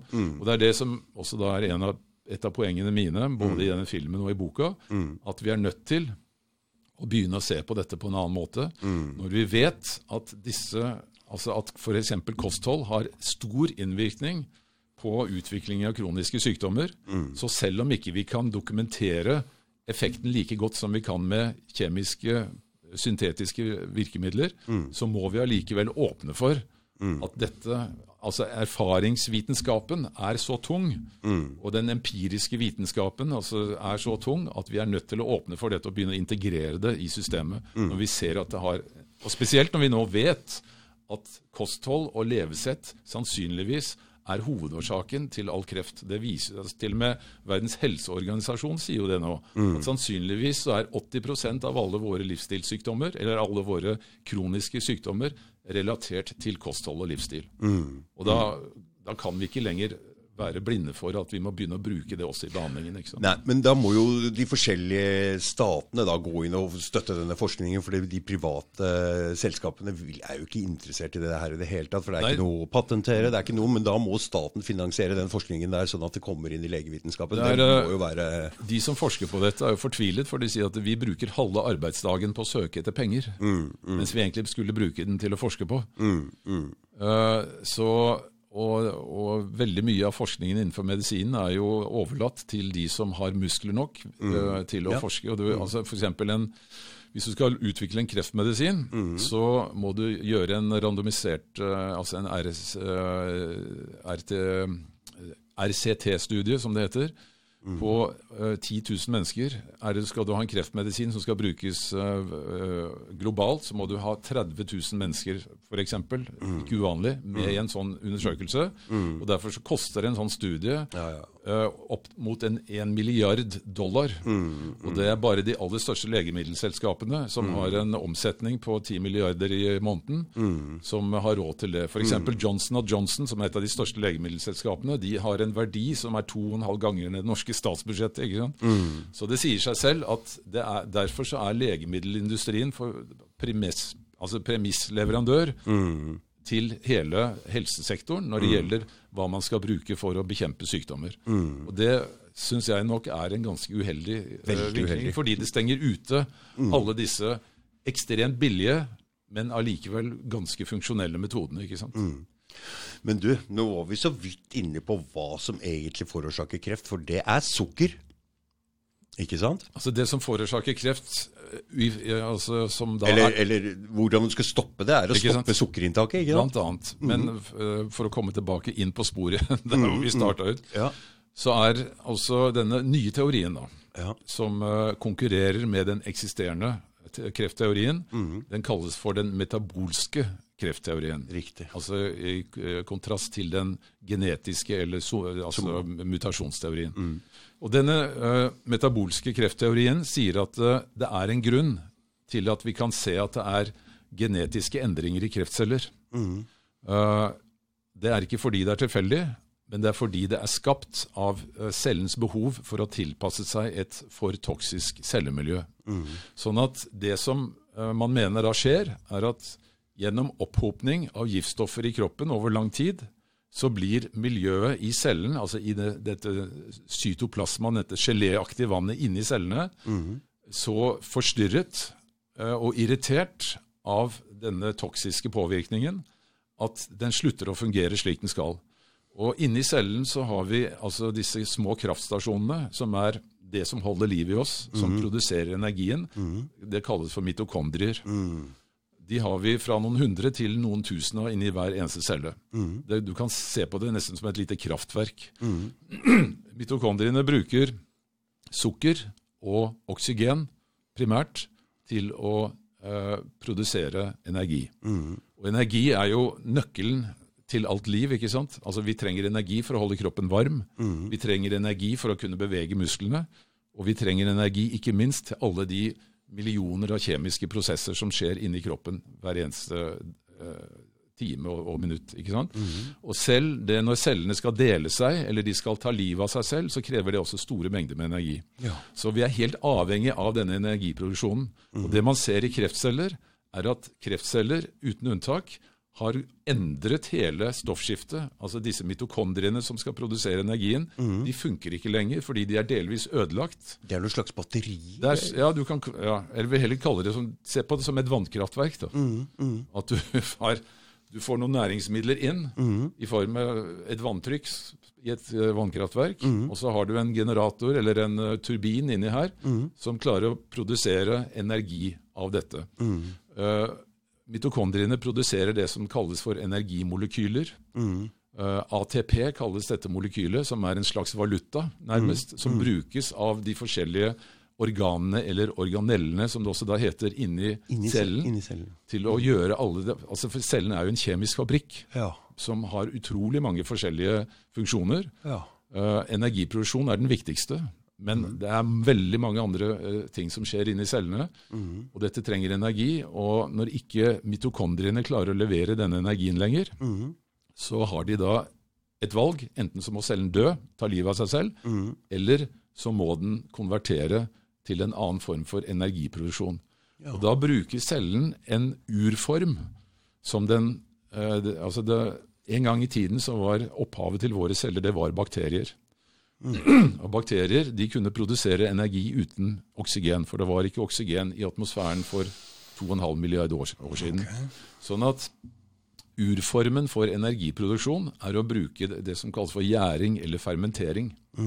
Altså, øh, man gjærer fram et produkt, et sukkerprodukt, som man da kan øh, gjennom en kjemisk prosess, prosess bruke til energi. Eh, dette er en prosess som kalles for anaerob, mens den prosessen som bruker oksygen, kalles for aerob. Så når cellene ikke klarer å bruke oksygen til sin energiproduksjon lenger, fordi at mitokondriene er blitt ødelagt pga. denne spesielle giftige uh, skal vi si, at, uh, miljøet inne i- cellen, så konver, kan konvertere over til anaerob produksjon. Og det, kan også, det skjer også til daglig hvis du er ute og, og løper, f.eks. Og anstrenger deg ekstra hardt, så kjenner du at du får sånn melkesyre i kroppen. ikke sant?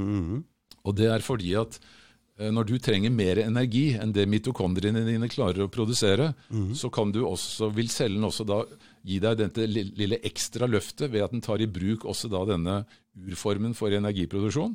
Så du får et, et ekstra tilskudd av energi. Men avfallsproduktet der, Det er surt. det er melkesyre, som da er en veldig syrlig og sur væske, som gjør at det begynner å svi i musklene etter hvert. ikke sant? Og det er jo det alle disse store idrettsutøverne sier, at eh, skal du vinne et langrenn, så er du nødt til å tåle mye smerte. Altså Det å tåle denne melkesyra over lengre tid er hele hemmeligheten ved å komme først i mål. ikke sant? For det gjør grusomt vondt. Alle har kjent på det. Alle har kjent på det. Men det er liksom mekanismen da inn i cellen. Alle kreftceller de bruker bare denne urformen for energiproduksjon. De bruker ikke oksygen Ikke oksygen. Og denne urformen er mye mindre effektiv. Er bare en attendedel så effektiv som når du bruker oksygen. Og Derfor så er disse kreftcellene nødt til også øh, og, altså de, Det de gjør, er at de skrur av det programmet som gjør at de dør. og Så skrur de opp celledelingshastigheten for å kunne holde kolonien levende. Så det, som jeg sa da helt innledningsvis, for en god stund siden nå, er at det kan virke som Man kan selvfølgelig ikke bevise dette, men sannsynligheten for at dette stemmer, er ganske stor. Det kan virke som kreftceller er cellenes siste eh, skal vi si,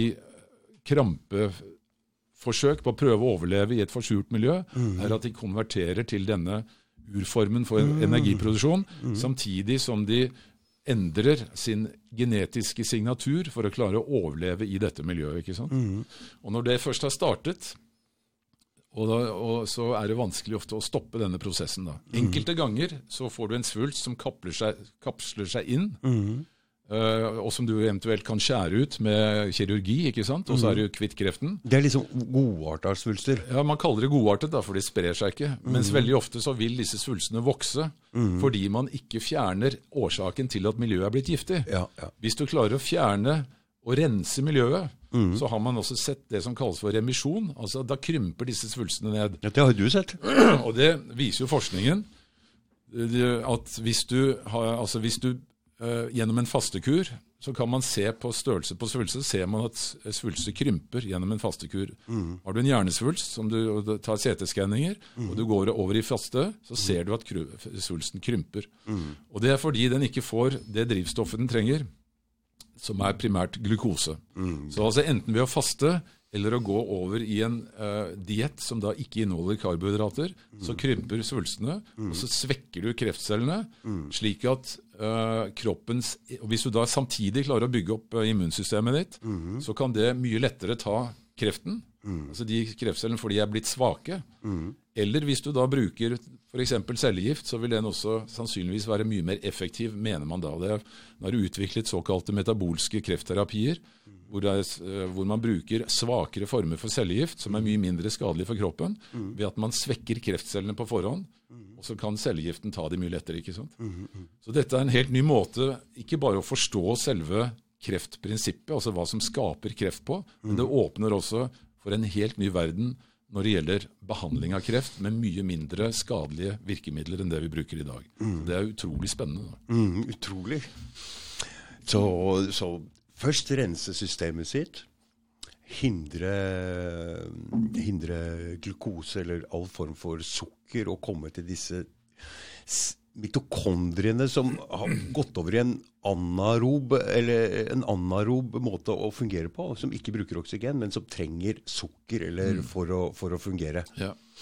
Altså, Mitokondriene de er jo de er rett og slett opp De fungerer ikke på langt nær sånn som de skal. De fleste av de har stoppet å fungere. Mens denne anaerobe prosessen den foregår i andre organer i cellen. Ja. Så det er ikke mitokondriene som, eh, som endrer seg, eller endrer uh, selve denne genereringsprosessen, men det er andre organer i cellen som gjør det.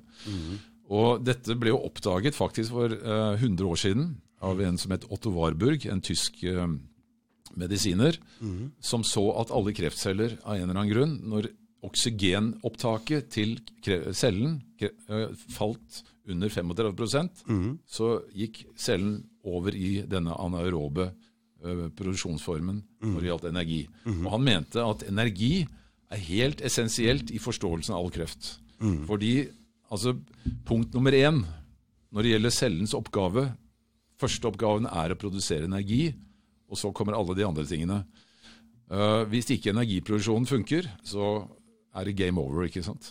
Så, og livet er jo slik at alt liv ønsker å leve. Alle celler har en innebygget mekanisme som sier at uh, liv for enhver pris.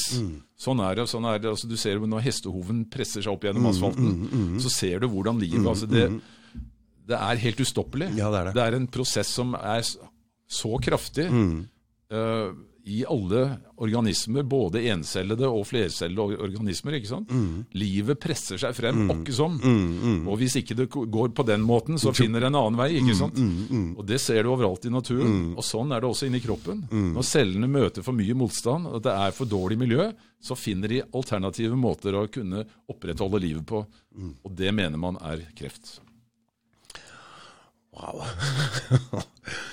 men, men du er nå helt, helt kreftfri, du Terje? Jeg eh, ble undersøkt på Radiumhospitalet åtte måneder etter at jeg hadde fått kreftdiagnosen. Og da fant de eh, ingen kreft i kroppen min. Eller vil si, altså, kroppen har jo alltid noen kreftceller, men de fant ingen rester av det som var den opprinnelige sykdommen. Åtte måneder etter at det ble påvist? Ja, og det, jeg må jo også tilføye at da jeg hadde gått på denne kuren i fire måneder, så uh, var de svulstene mine fremdeles De største de var så ubehagelige, for det lukta som et helvete, for å si det på godt norsk. Og eh, prosessen med å eliminere de, Det var for det var, den var langsom. Og det skjedde også da én ting til som var veldig spesielt. Etter fire måneder på grønnsakssuppe så var jeg så lei av grønnsakssuppe. ja. Og så var det samtidig noen svære sånne bursdagsfeiringer i familien. Så ble det plutselig et uh, stykke bløtkake, fordi kroppen min bare skrek etter det. ikke sant? Og så ble det en par sjokoladebiter, og så ble det noen glass vin. Og dette skjedde da to-tre ganger i løpet av en eh, ukes tid. Og da kunne jeg se med mine egne øyne hvordan disse kreftsvulstene begynte å vokse igjen. Oh my god, det er Og- ikke mer som skal til, altså! Jeg vil jo si at uh, på en måte så var jeg utrolig heldig. Fordi at min kreft, den var synlig. Ja, Jeg kunne se hva som, klart hva, hva som. Mm. hva som skjedde. Så det var jo nesten bare som å sitte og se på TV. ikke sant? Uh, og når jeg så at disse her svulstene begynte å vokse, og jeg var så fed up med å spise grønnsaker, så sa eh, fastlegen min, som er en veldig klok mann, så sa han Terje, nå må du gjøre som Ole Brumm. Nå må du si ja takk, begge deler. Ja. Gå og få tatt knekken på de svulstene. Det, Ja. Strålebehandling Ja, er utrolig effektivt, og de er mye flinkere med det nå. Det er ikke så mye skadevirkning som det var før. Og så kanskje kroppen din klarer å rydde opp i resten, for du, for du har helt opplagt fått en mye bedre system. Mm. det sa jo selvfølgelig naturterapeuten min, han kunne jo se det på blodprøvene mine, at eh, immunsystemet mitt det var nå kommet tilbake på offensiven. Kroppen hadde fått renset seg veldig, så han sa det at nå er du like før du Han mente jo at eh, hvis jeg bare ventet lenge nok, så ville kroppen klare det sjøl, men jeg var så utålmodig. Så jeg gikk og banket på hos Radiumhospitalet og sa kan jeg være så snill å få stråling på de Det var fem svulster spesielt, da, de største. Så fikk jeg det, og i løpet av bare noen få uker så krympa de inn. Altså det var, Du kan tenke deg en sånn eh, 150 grams hamburger, rå, som noen har klaska på rumpa di. Sånn så de største ut. Det, altså det, det så ikke pent ut. Men veit du hva Ingen kirurgi. Men hva? Ingen kirurgi. Nei. Men Terje, vet du, jeg får så rar følelse nå, for det, det, kreft er en av vår tids største problem.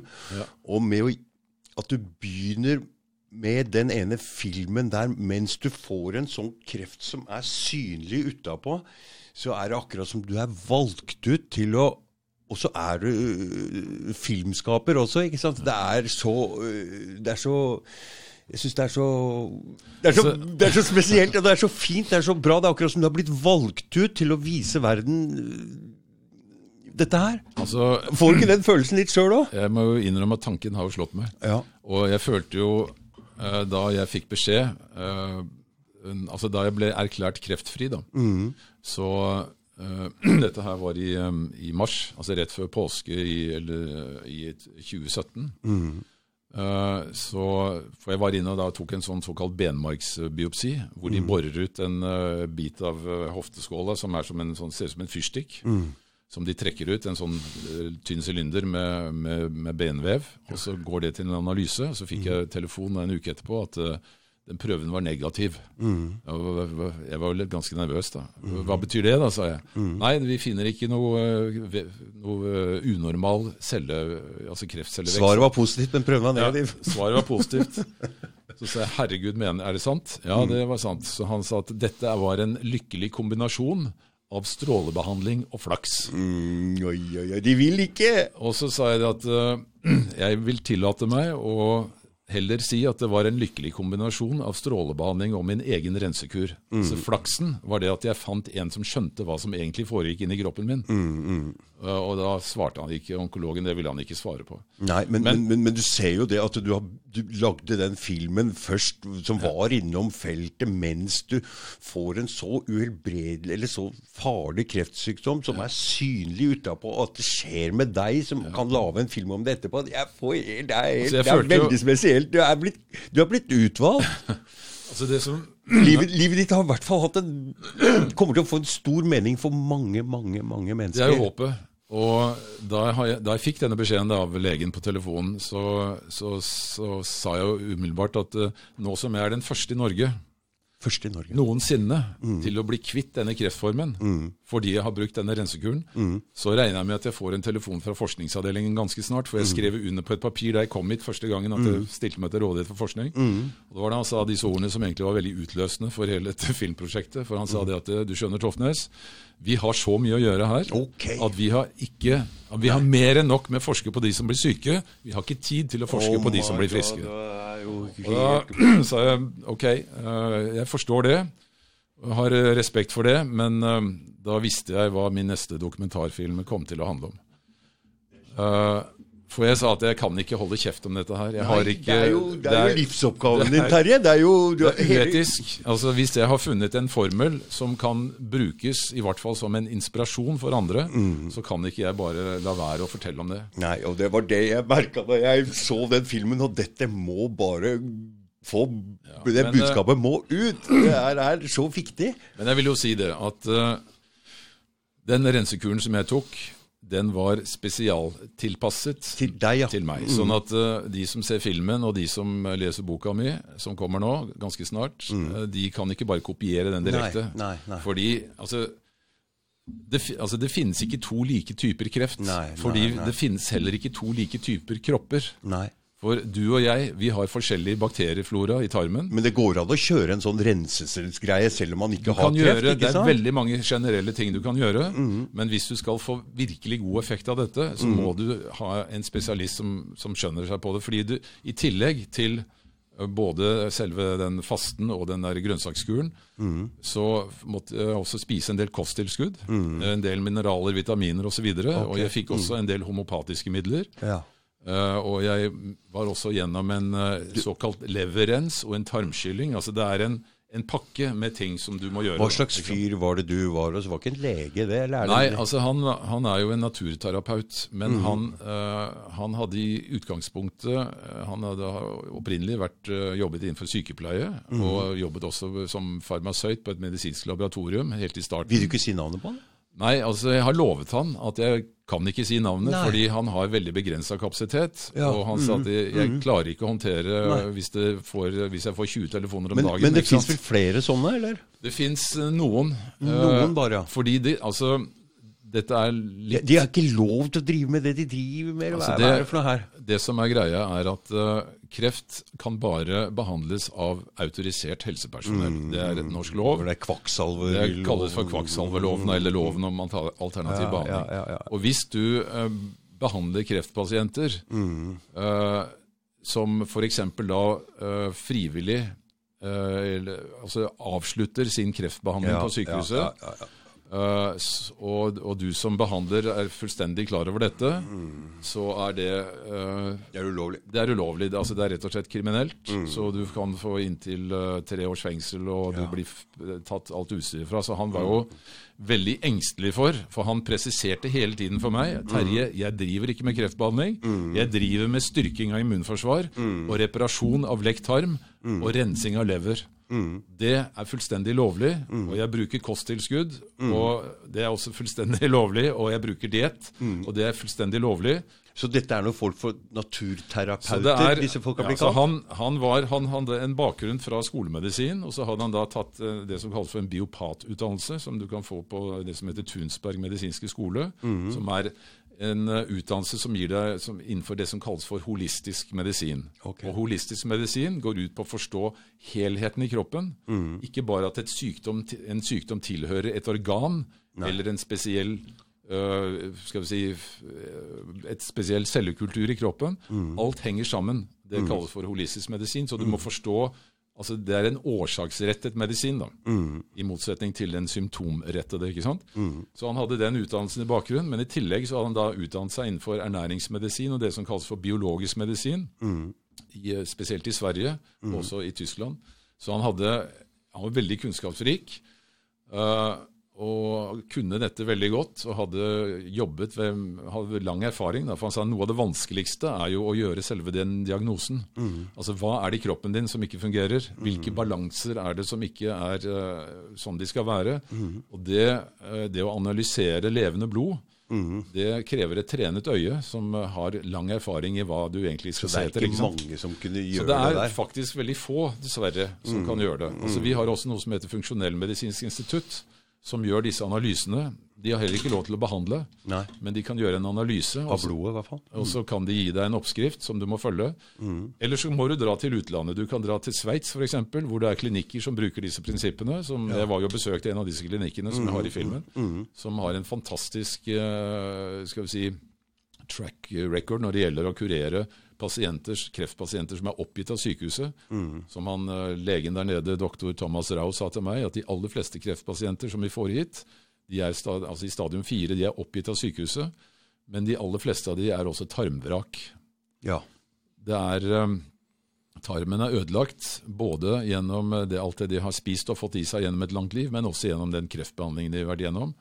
Fordi at eh, cellegifter spesielt, det raserer veldig mye av, eh, Bakterier. av bak, både bakterier og slimhinnene i, i tarmen. Mm. Så han sa det at vi, vi får inn pasienter som er, eh, altså står omtrent med foten i grava, og veldig mange av de, nesten alle, klarer vi å få på rett kjøl igjen gjennom å bruke biologisk medisin, som da er primært basert på diett og kosttilskudd og en del infusjoner da med, med forskjellige isopatiske midler, som er en form for homopati.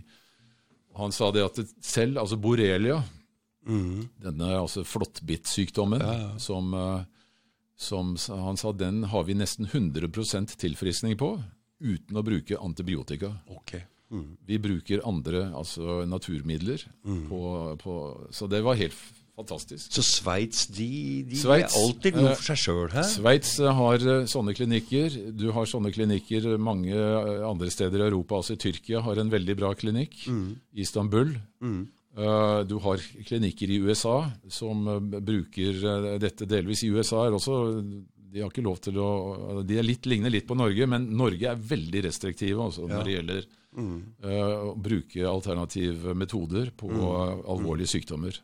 Så det, Vi har jo i denne loven da, så står det at uh, du må være, altså for å behandle en alvorlig sykdom, så er du nødt til å være autorisert helsepersonell. Og det er altså alle lover som er laget, de har som regel en ganske god hensikt. Men de har også en del bivirkninger, akkurat som alle medisiner.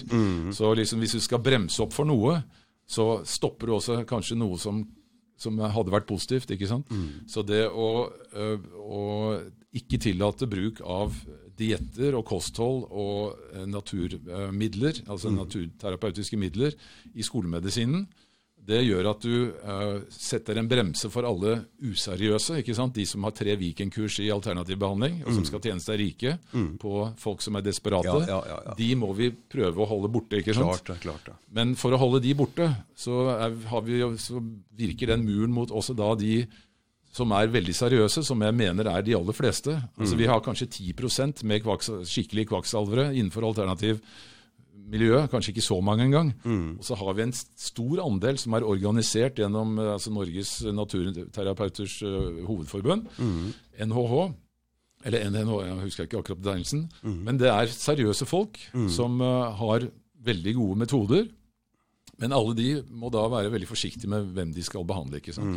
Så dette er en utrolig sånn uheldig greie. Og til og med altså hvor uh, han som eh, var røykelovens far, Dagfinn Høybråten, sa jo for ti år siden at vi er nødt til å åpne opp for mer bruk av alternativ medisin i skolemedisinen for å få mer både rimeligere og behandlinger, og pluss at vi kan altså, forebygge veldig mye. ikke sant? Altså, hvis folk visste hva det gjorde med kroppen din, det du putter av mat inn i kroppen, så ville du være mye mer bevisst. ikke sant? Ja. Men uh, så lenge legen sier at eh, bare spis, sørg for at du får nok kalorier, om du spiser iskrem eller, eh, eller brokkoli, så er det bare kaloriene, antallet kalorier som er viktig. ikke sant?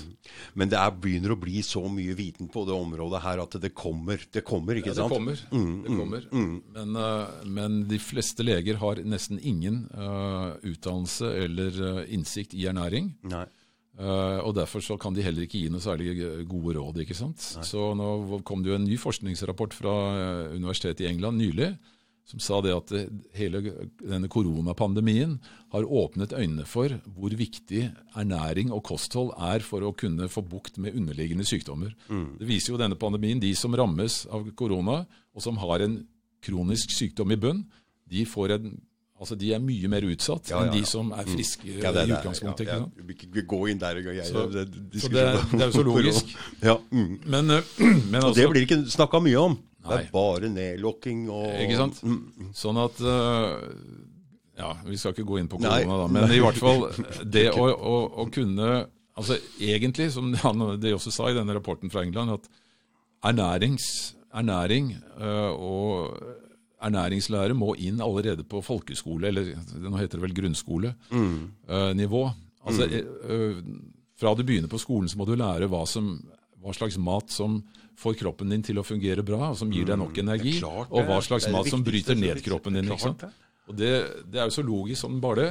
Men fordi at næringsmiddelindustrien altså Se når du kommer inn i en butikk, du får nesten ikke satt fra deg handlekurven på disken, for den er full av sjokolade og, og alt mulig søtsaker som du skal prøve å proppe på deg. ikke sant? Og du har disse enorme reolene med sukker i alle mulige former som ungene står og sikler på når de, er med foreldrene i butikken. ikke sant? Ned i lav høyde òg. Altså det er, helt, det er så mot all fornuft som det går an, men allikevel så er det fullt tillatt, fordi at næringsmiddelindustrien har så stor makt at de presser butikkene til å, å fronte dette her. ikke sant? Det er egentlig helt vanvittig, mens det er liksom Sånn er vestlig livsstil.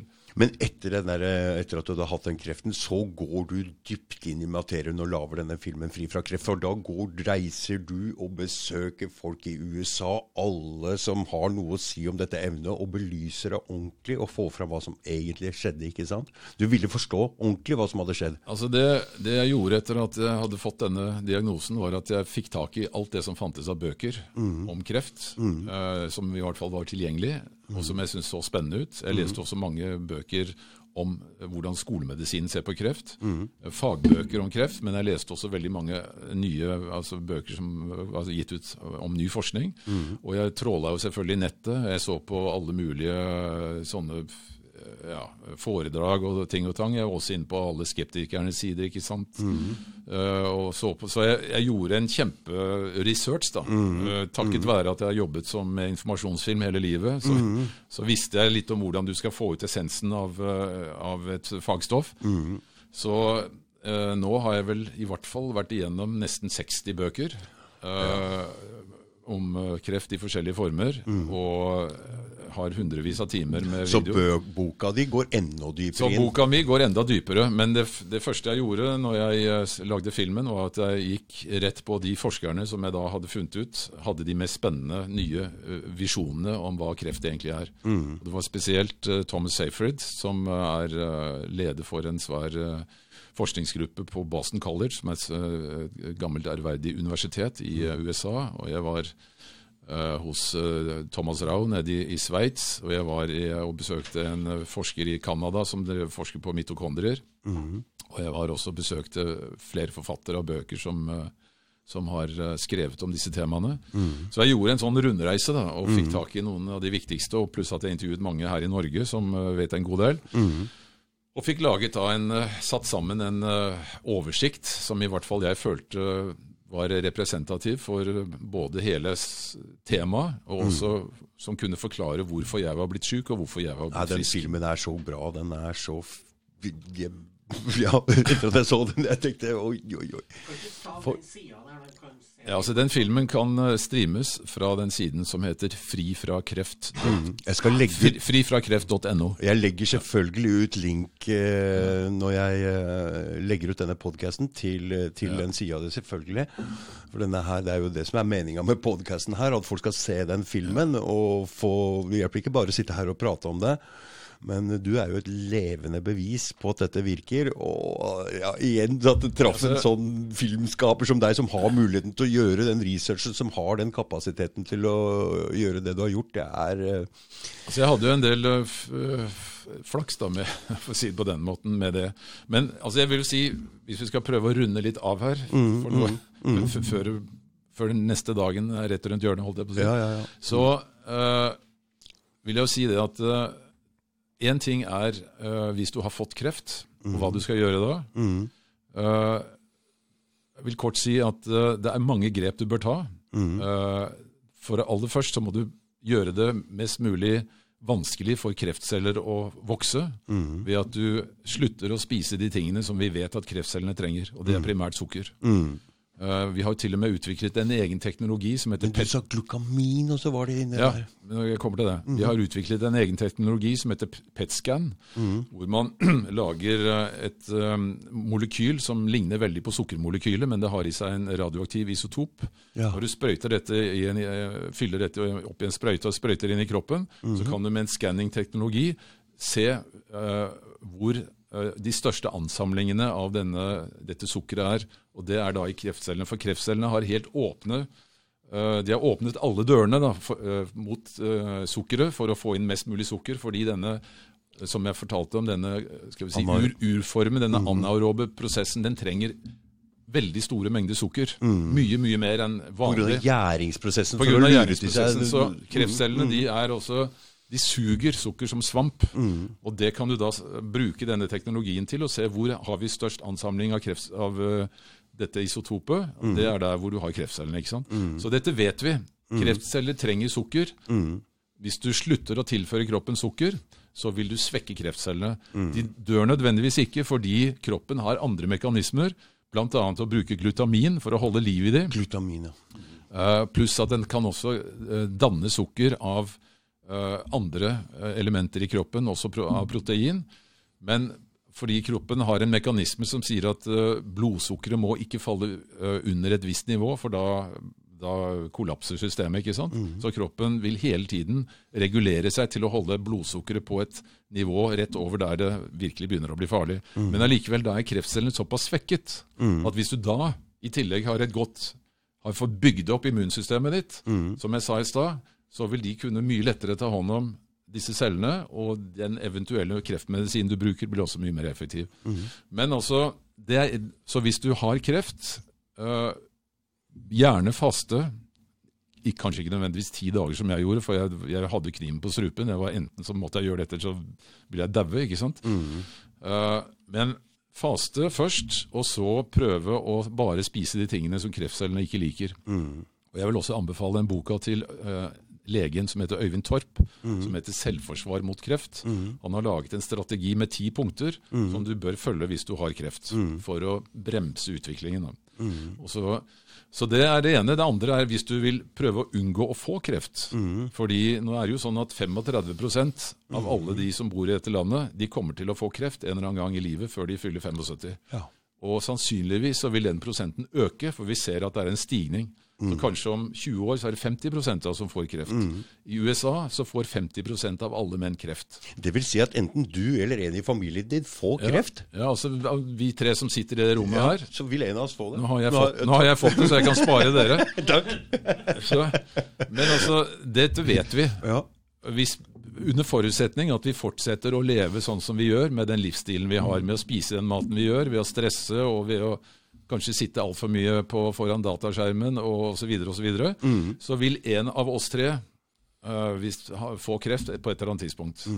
Uh, vi, det, altså Istedenfor at det er 30-40% av oss som skal få kreft, så ved å endre livsstilen så kan vi redusere dette i hvert fall ned til 5, 5 For man vet at genetisk sett så, så har man altså man er, Noen mennesker er født med visse gener som gjør at de mye lettere får kreft enn andre. Mm. Det er ca. 5% av befolkningen. Det gjelder f.eks. en spesiell type brystkreft. Ja. Og det gjelder eh, noen spesielle kreftformer som, som man mener helt tydelig skyldes altså den genetiske signaturen du er født med. Men det gjelder bare en, kanskje 5-6% av befolkningen. Men hvis du vil redusere sannsynligheten for å få kreft fra kanskje 40% til 5% så er det fullt mulig. Hvis du begynner å leve på en mer kreft, eh, altså en måte som, som eh, kan gi deg dette resultatet. Og det er ikke så forferdelig vanskelig, Nei. men det krever at du må legge om på en del ting. ikke sant? Men hvis du vil fortsette å leve som du gjør, og akseptere at sannsynligheten for at du får kreft er eh, før du fyller 75 er kanskje opp mot 50% så må du jo gjerne gjøre det. Men det er ikke bare det- kreft. Du får, jo, du får jo et bedre Det gjelder blod-? Du, du, du føler deg friskere. Det er jo ikke Det bare gjelder revmatisme, det gjelder MS, det gjelder ME, det gjelder diabetes 2, det gjelder mm. hjerte-karsykdommer. Det gjelder masse autoimmune tilstander som ikke vi har noe svar på. Alt dette skyldes i hovedsak måten vi lever på, og hva vi spiser og drikker og puster. ikke sant? Og, og stresser og sover for lite og er for li- fysisk inaktive osv. osv. Det er en hel serie med ting. Ja. Også til og med emosjonelle ting, altså psykiske traumer. Ja. Går du rundt med en vond klump i magen altfor lenge, så skaper det også betennelsesreaksjoner i kroppen. ikke sant? Så betennelser er veldig ofte utgangspunktet til alle disse forskjellige syk øh, sykdommene. Og betennelser skaper av, skapes av toksisk miljø, som igjen da skapes av masse forskjellige årsaker. Så det er som regel en cocktail da, med forskjellige ting som til slutt gjør at si, gifttønna di renner over. ikke sant? Og Dette kan du gjøre noe med, men da må du vite hva du skal gjøre. Ja. Og det finnes det nå så mye kunnskap om. at... øh, Og snart kommer boka di. og snart kommer boka mi. ja. Mm. Så du kan i grunnen velge om du, skal fort, om du vil senke sannsynligheten ned til 5% for å få kreft, eller om du vil godta at det, det er 50 sannsynlighet. Ja, også som sagt ikke bare kreft, men tenk på alle forstadiene til disse hvor du eventuelt får en sånn diagnose også. Du vil jo føle deg dårligere, så bare med å forandre kosthold og sånn, så vil man få et bedre liv, få et bedre livskvalitet også. Ja. Det er Altså, viktig, Terje! Ja, du, du får mer energi. altså, Ja, får mer energi. Du får uh, lyst til å hoppe ut av senga om morgenen og si 'yes, i dag skal jeg få til det og det og det'. ikke sant? Ja. Istedenfor å si 'å herregud, er det mandag nå igjen'? Å, jeg er trøtt om morgenen. Jeg, jeg, jeg skal jaggu meg gå på en sånn uh, liten rensing. Jeg skal ikke gå ti dager uten mat, for jeg prøver å trene og sånne ting. Men jeg skal gjøre en liten minivariant av det der. Og så skal jeg holde meg til de overflategrønnsakene som du og kjører litt sånn. Så skal jeg se om det altså, fungerer. Også med fett også, ikke sant? Masse meierismør og Jeg vil jo også anbefale f.eks. den der boka til eh, Berit Nordstrand, Ja. som heter uh, uh, Omstart 30. Ja. Hvor hun har en veldig fin eh, diett, og, og hun har masse fine oppskrifter. Hvis du ønsker å gå over i et mye mer sunnere og lavkarbo-type eh, Så her kommer du egentlig med noen nye podkast... Og, og, altså alle, og det er mange som har skrevet om denne såkalte keto-dietten, altså som er en sånn helt karbohydratfri diett hvor du går i såkalt ketose. Og hvor kroppen da eh, stort sett bruker fett og noe protein på å produsere uh, energi. ikke sant? Fett inneholder enormt med energi, og vi har jo alle som regel en matpakke rundt magen som uh, kroppen av naturlige grunner har utviklet seg til å kunne bruke til uh, situasjoner hvor det er knapphet på mat. Sånn var det jo før. Altså For 10 000 år siden så spiste de ikke middag hver dag, Nei. eller hadde tre måltider om dagen. ikke Nei, sant? nei, De spiste kanskje et stort måltid en gang i uka, i beste fall. Så kroppen er vant til å sulte seg. Kroppen er vant til å bygge opp fettlagre for å kunne bruke det når vi ikke har tilgang på mat. Mm, Spesielt her ved Men uh, hos vi som spiser altså tre store måltider, tre-fire store måltider om dagen, pluss og det går og gnafser på masse ting imellom, Mm. da må jo kroppen lagre alt dette her som de ikke klarer å kvitte seg med, og så Mm. blir vi tjukkere og tjukkere, ikke sant? Og så får vi plutselig en helt uforståelig kronisk sykdom Mm. når vi er overvektige. Overvekt er jo eh, helt tydelig altså, et av de største problemene da i den vestlige Du, verden. jeg så et bilde på Facebook her, for det var fra 30 år siden, og da, fra stranda, var nesten ikke feite folk i hele Ikke sant? Nesten ikke feite folk i hele tatt. Og det samme, jeg, var, har vært en del i Østen i forbindelse med jobben. Mm. Korea og, og Kina og sånne ting. Det er ekstremt eh, sjelden du ser feite mennesker, Mm. bortsett fra ungdom, etter at de fikk McDonald's og Mm. alle disse amerikanske mm. kjedene. Ser du at ungdommen begynner å legge på seg, mens Mm. de som lever på sånn naturlig mat, veldig mye altså sjømat og sånn, som de spiser der, Mm. spesielt i Korea, og ikke en eneste tjukk person å se Nei. blant den voksne befolkningen. Mm. Så de har, det er kostholdet som bestemmer veldig mye av dette her. Mm. Du ga meg noen gode eh, tips og ideer til nye um, podkastgjester. Jeg skal prøve å invitere noen av de som prater spesielt om kosthold eh, og, og sånne ting. Og har Men eh, bøker, dette her kan vi fortsette å prate med i timevis. Men, eh, men som sagt, jeg vil anbefale boka til Berit Nordstrand, selv om nå eh, le, altså Legeforeningens etikkråd har da gitt henne en reprimande. Er hun lege? Hun er lege, Ja, da får du reprimander. men eh, de mener at eh, de rådene hun kommer med, hvor folk skal slutte å spise sukker, og de kan skape angst hos alle de som spiser sukker. Derfor så, Å, den der derfor, der! derfor så, så mener de at uh, hun som lege må Så vi holde må ikke såre noen her. hun, Nei, hun, Aldri. hun må holde seg. Hun må holde seg til det som er uh, opplest og vedtatt Ja. uh, gjennom Statens kostholdsråd, som Ja. sier at du kan Så hun vil kanskje ikke komme hit og prate om det. Det gjør hun sikkert. Uh, Berit Nordstrand er en fantastisk uh, ambassadør for uh, en mye bedre helse og en mye bedre livsstil enn det de fleste av oss har. Men uh, det er klart, hun utfordrer jo da et system. Uh, alle de som produserer disse tingene som vi blir dårlige av, de liker jo ikke å høre at leger fraråder produktene deres, selvfølgelig. Så det er også en del av hele dette, at du har en næringsmiddelindustri som har utviklet seg f.eks. på denne myten at eh, fett er farlig, og at lettprodukter er sunt. Eh, Så viser altså nå forskningen at det er akkurat omvendt. Spiser Det er alltid motsatt. spiser du masse karbohydrater, som vi har blitt anbefalt å gjøre helt siden 50-tallet, Ja. så blir vi tjukke og syke. Og lever vi på primært fett og, og protein, så blir vi i hvert fall altså, hvitt kjøtt og sånn, da. Ikke for mye rødt kjøtt, så blir vi mye friskere. Så fett er en fantastisk eh, energikilde, og sukker er det ikke. ikke sant? Og dette er jo stikk i strid med det du får eh, servert eh, fra matvareindustrien. Og det er fremdeles mange leger og pro professorer som hevder at eh, fett er farlig, og karbohydrater er det som kroppen skal ha. ikke sant? Så dette, altså man rokker ved store, tunge, institusjonelle sannheter, eller i hvert fall såkalte sannheter, som, eh, som eh, stritter veldig imot når disse nye teoriene kommer. Og det er årsakene til at eh, det tar så lang tid, da. Dessverre. Da er vi inne på essensen av denne podkasten her. Sannheten må fram! Er. Så ja, nei, Som sagt, vi kunne snakke om dette i timevis, Ja, men nei. eh, Tusen takk for at du kom, Terje. Det var uh, veldig, veldig kul uh, podkast. Og filmen din er, som sagt, jeg skal legge ut LinkedIn. Den, er, den må folk se. fordi selv om det ikke rammer deg, så rammer antageligvis en eller annen du kjenner, en eller annen i nær familie. Så dette her er noe folk bør Alle bør. familier har et eller annet forhold til kreft. Ja, altså både Eh, mamma dessverre. Pappa døde av kreft, så alle, har, eh, alle har noe. Mm. Så det er, eh, det er vår tids største folkesykdom. Det er den største dødsårsaken i Norge i dag. Mm, Eh, passerte hjerte- og karsykdommer for noe, et par år siden, i Mm. 2018. Så i dag så er det den største dødsårsaken i Norge, Mm. og det skyldes mangel på kunnskap, rett og slett. mm. Jeg skal hjelpe deg å redde liv, jeg, Terje. Ok. Tusen takk for at du kom. Ja, tusen takk for at eh, jeg fikk komme og, og dele i hvert fall min opplevelse og min uh, oppfatning av hvordan dette er. Alt kan selvfølgelig diskuteres, og jeg skal ikke si at jeg sitter med hele sannheten. Men jeg syns det er i hvert fall viktig at folk begynner å tenke litt sjæl, og ikke bare overlater skjebnen til uh, legene, som kanskje ikke har alltid uh, 100 rett i alt det de har lært på skolen. Tenke sjæl, det er viktig. Ok. Ha det.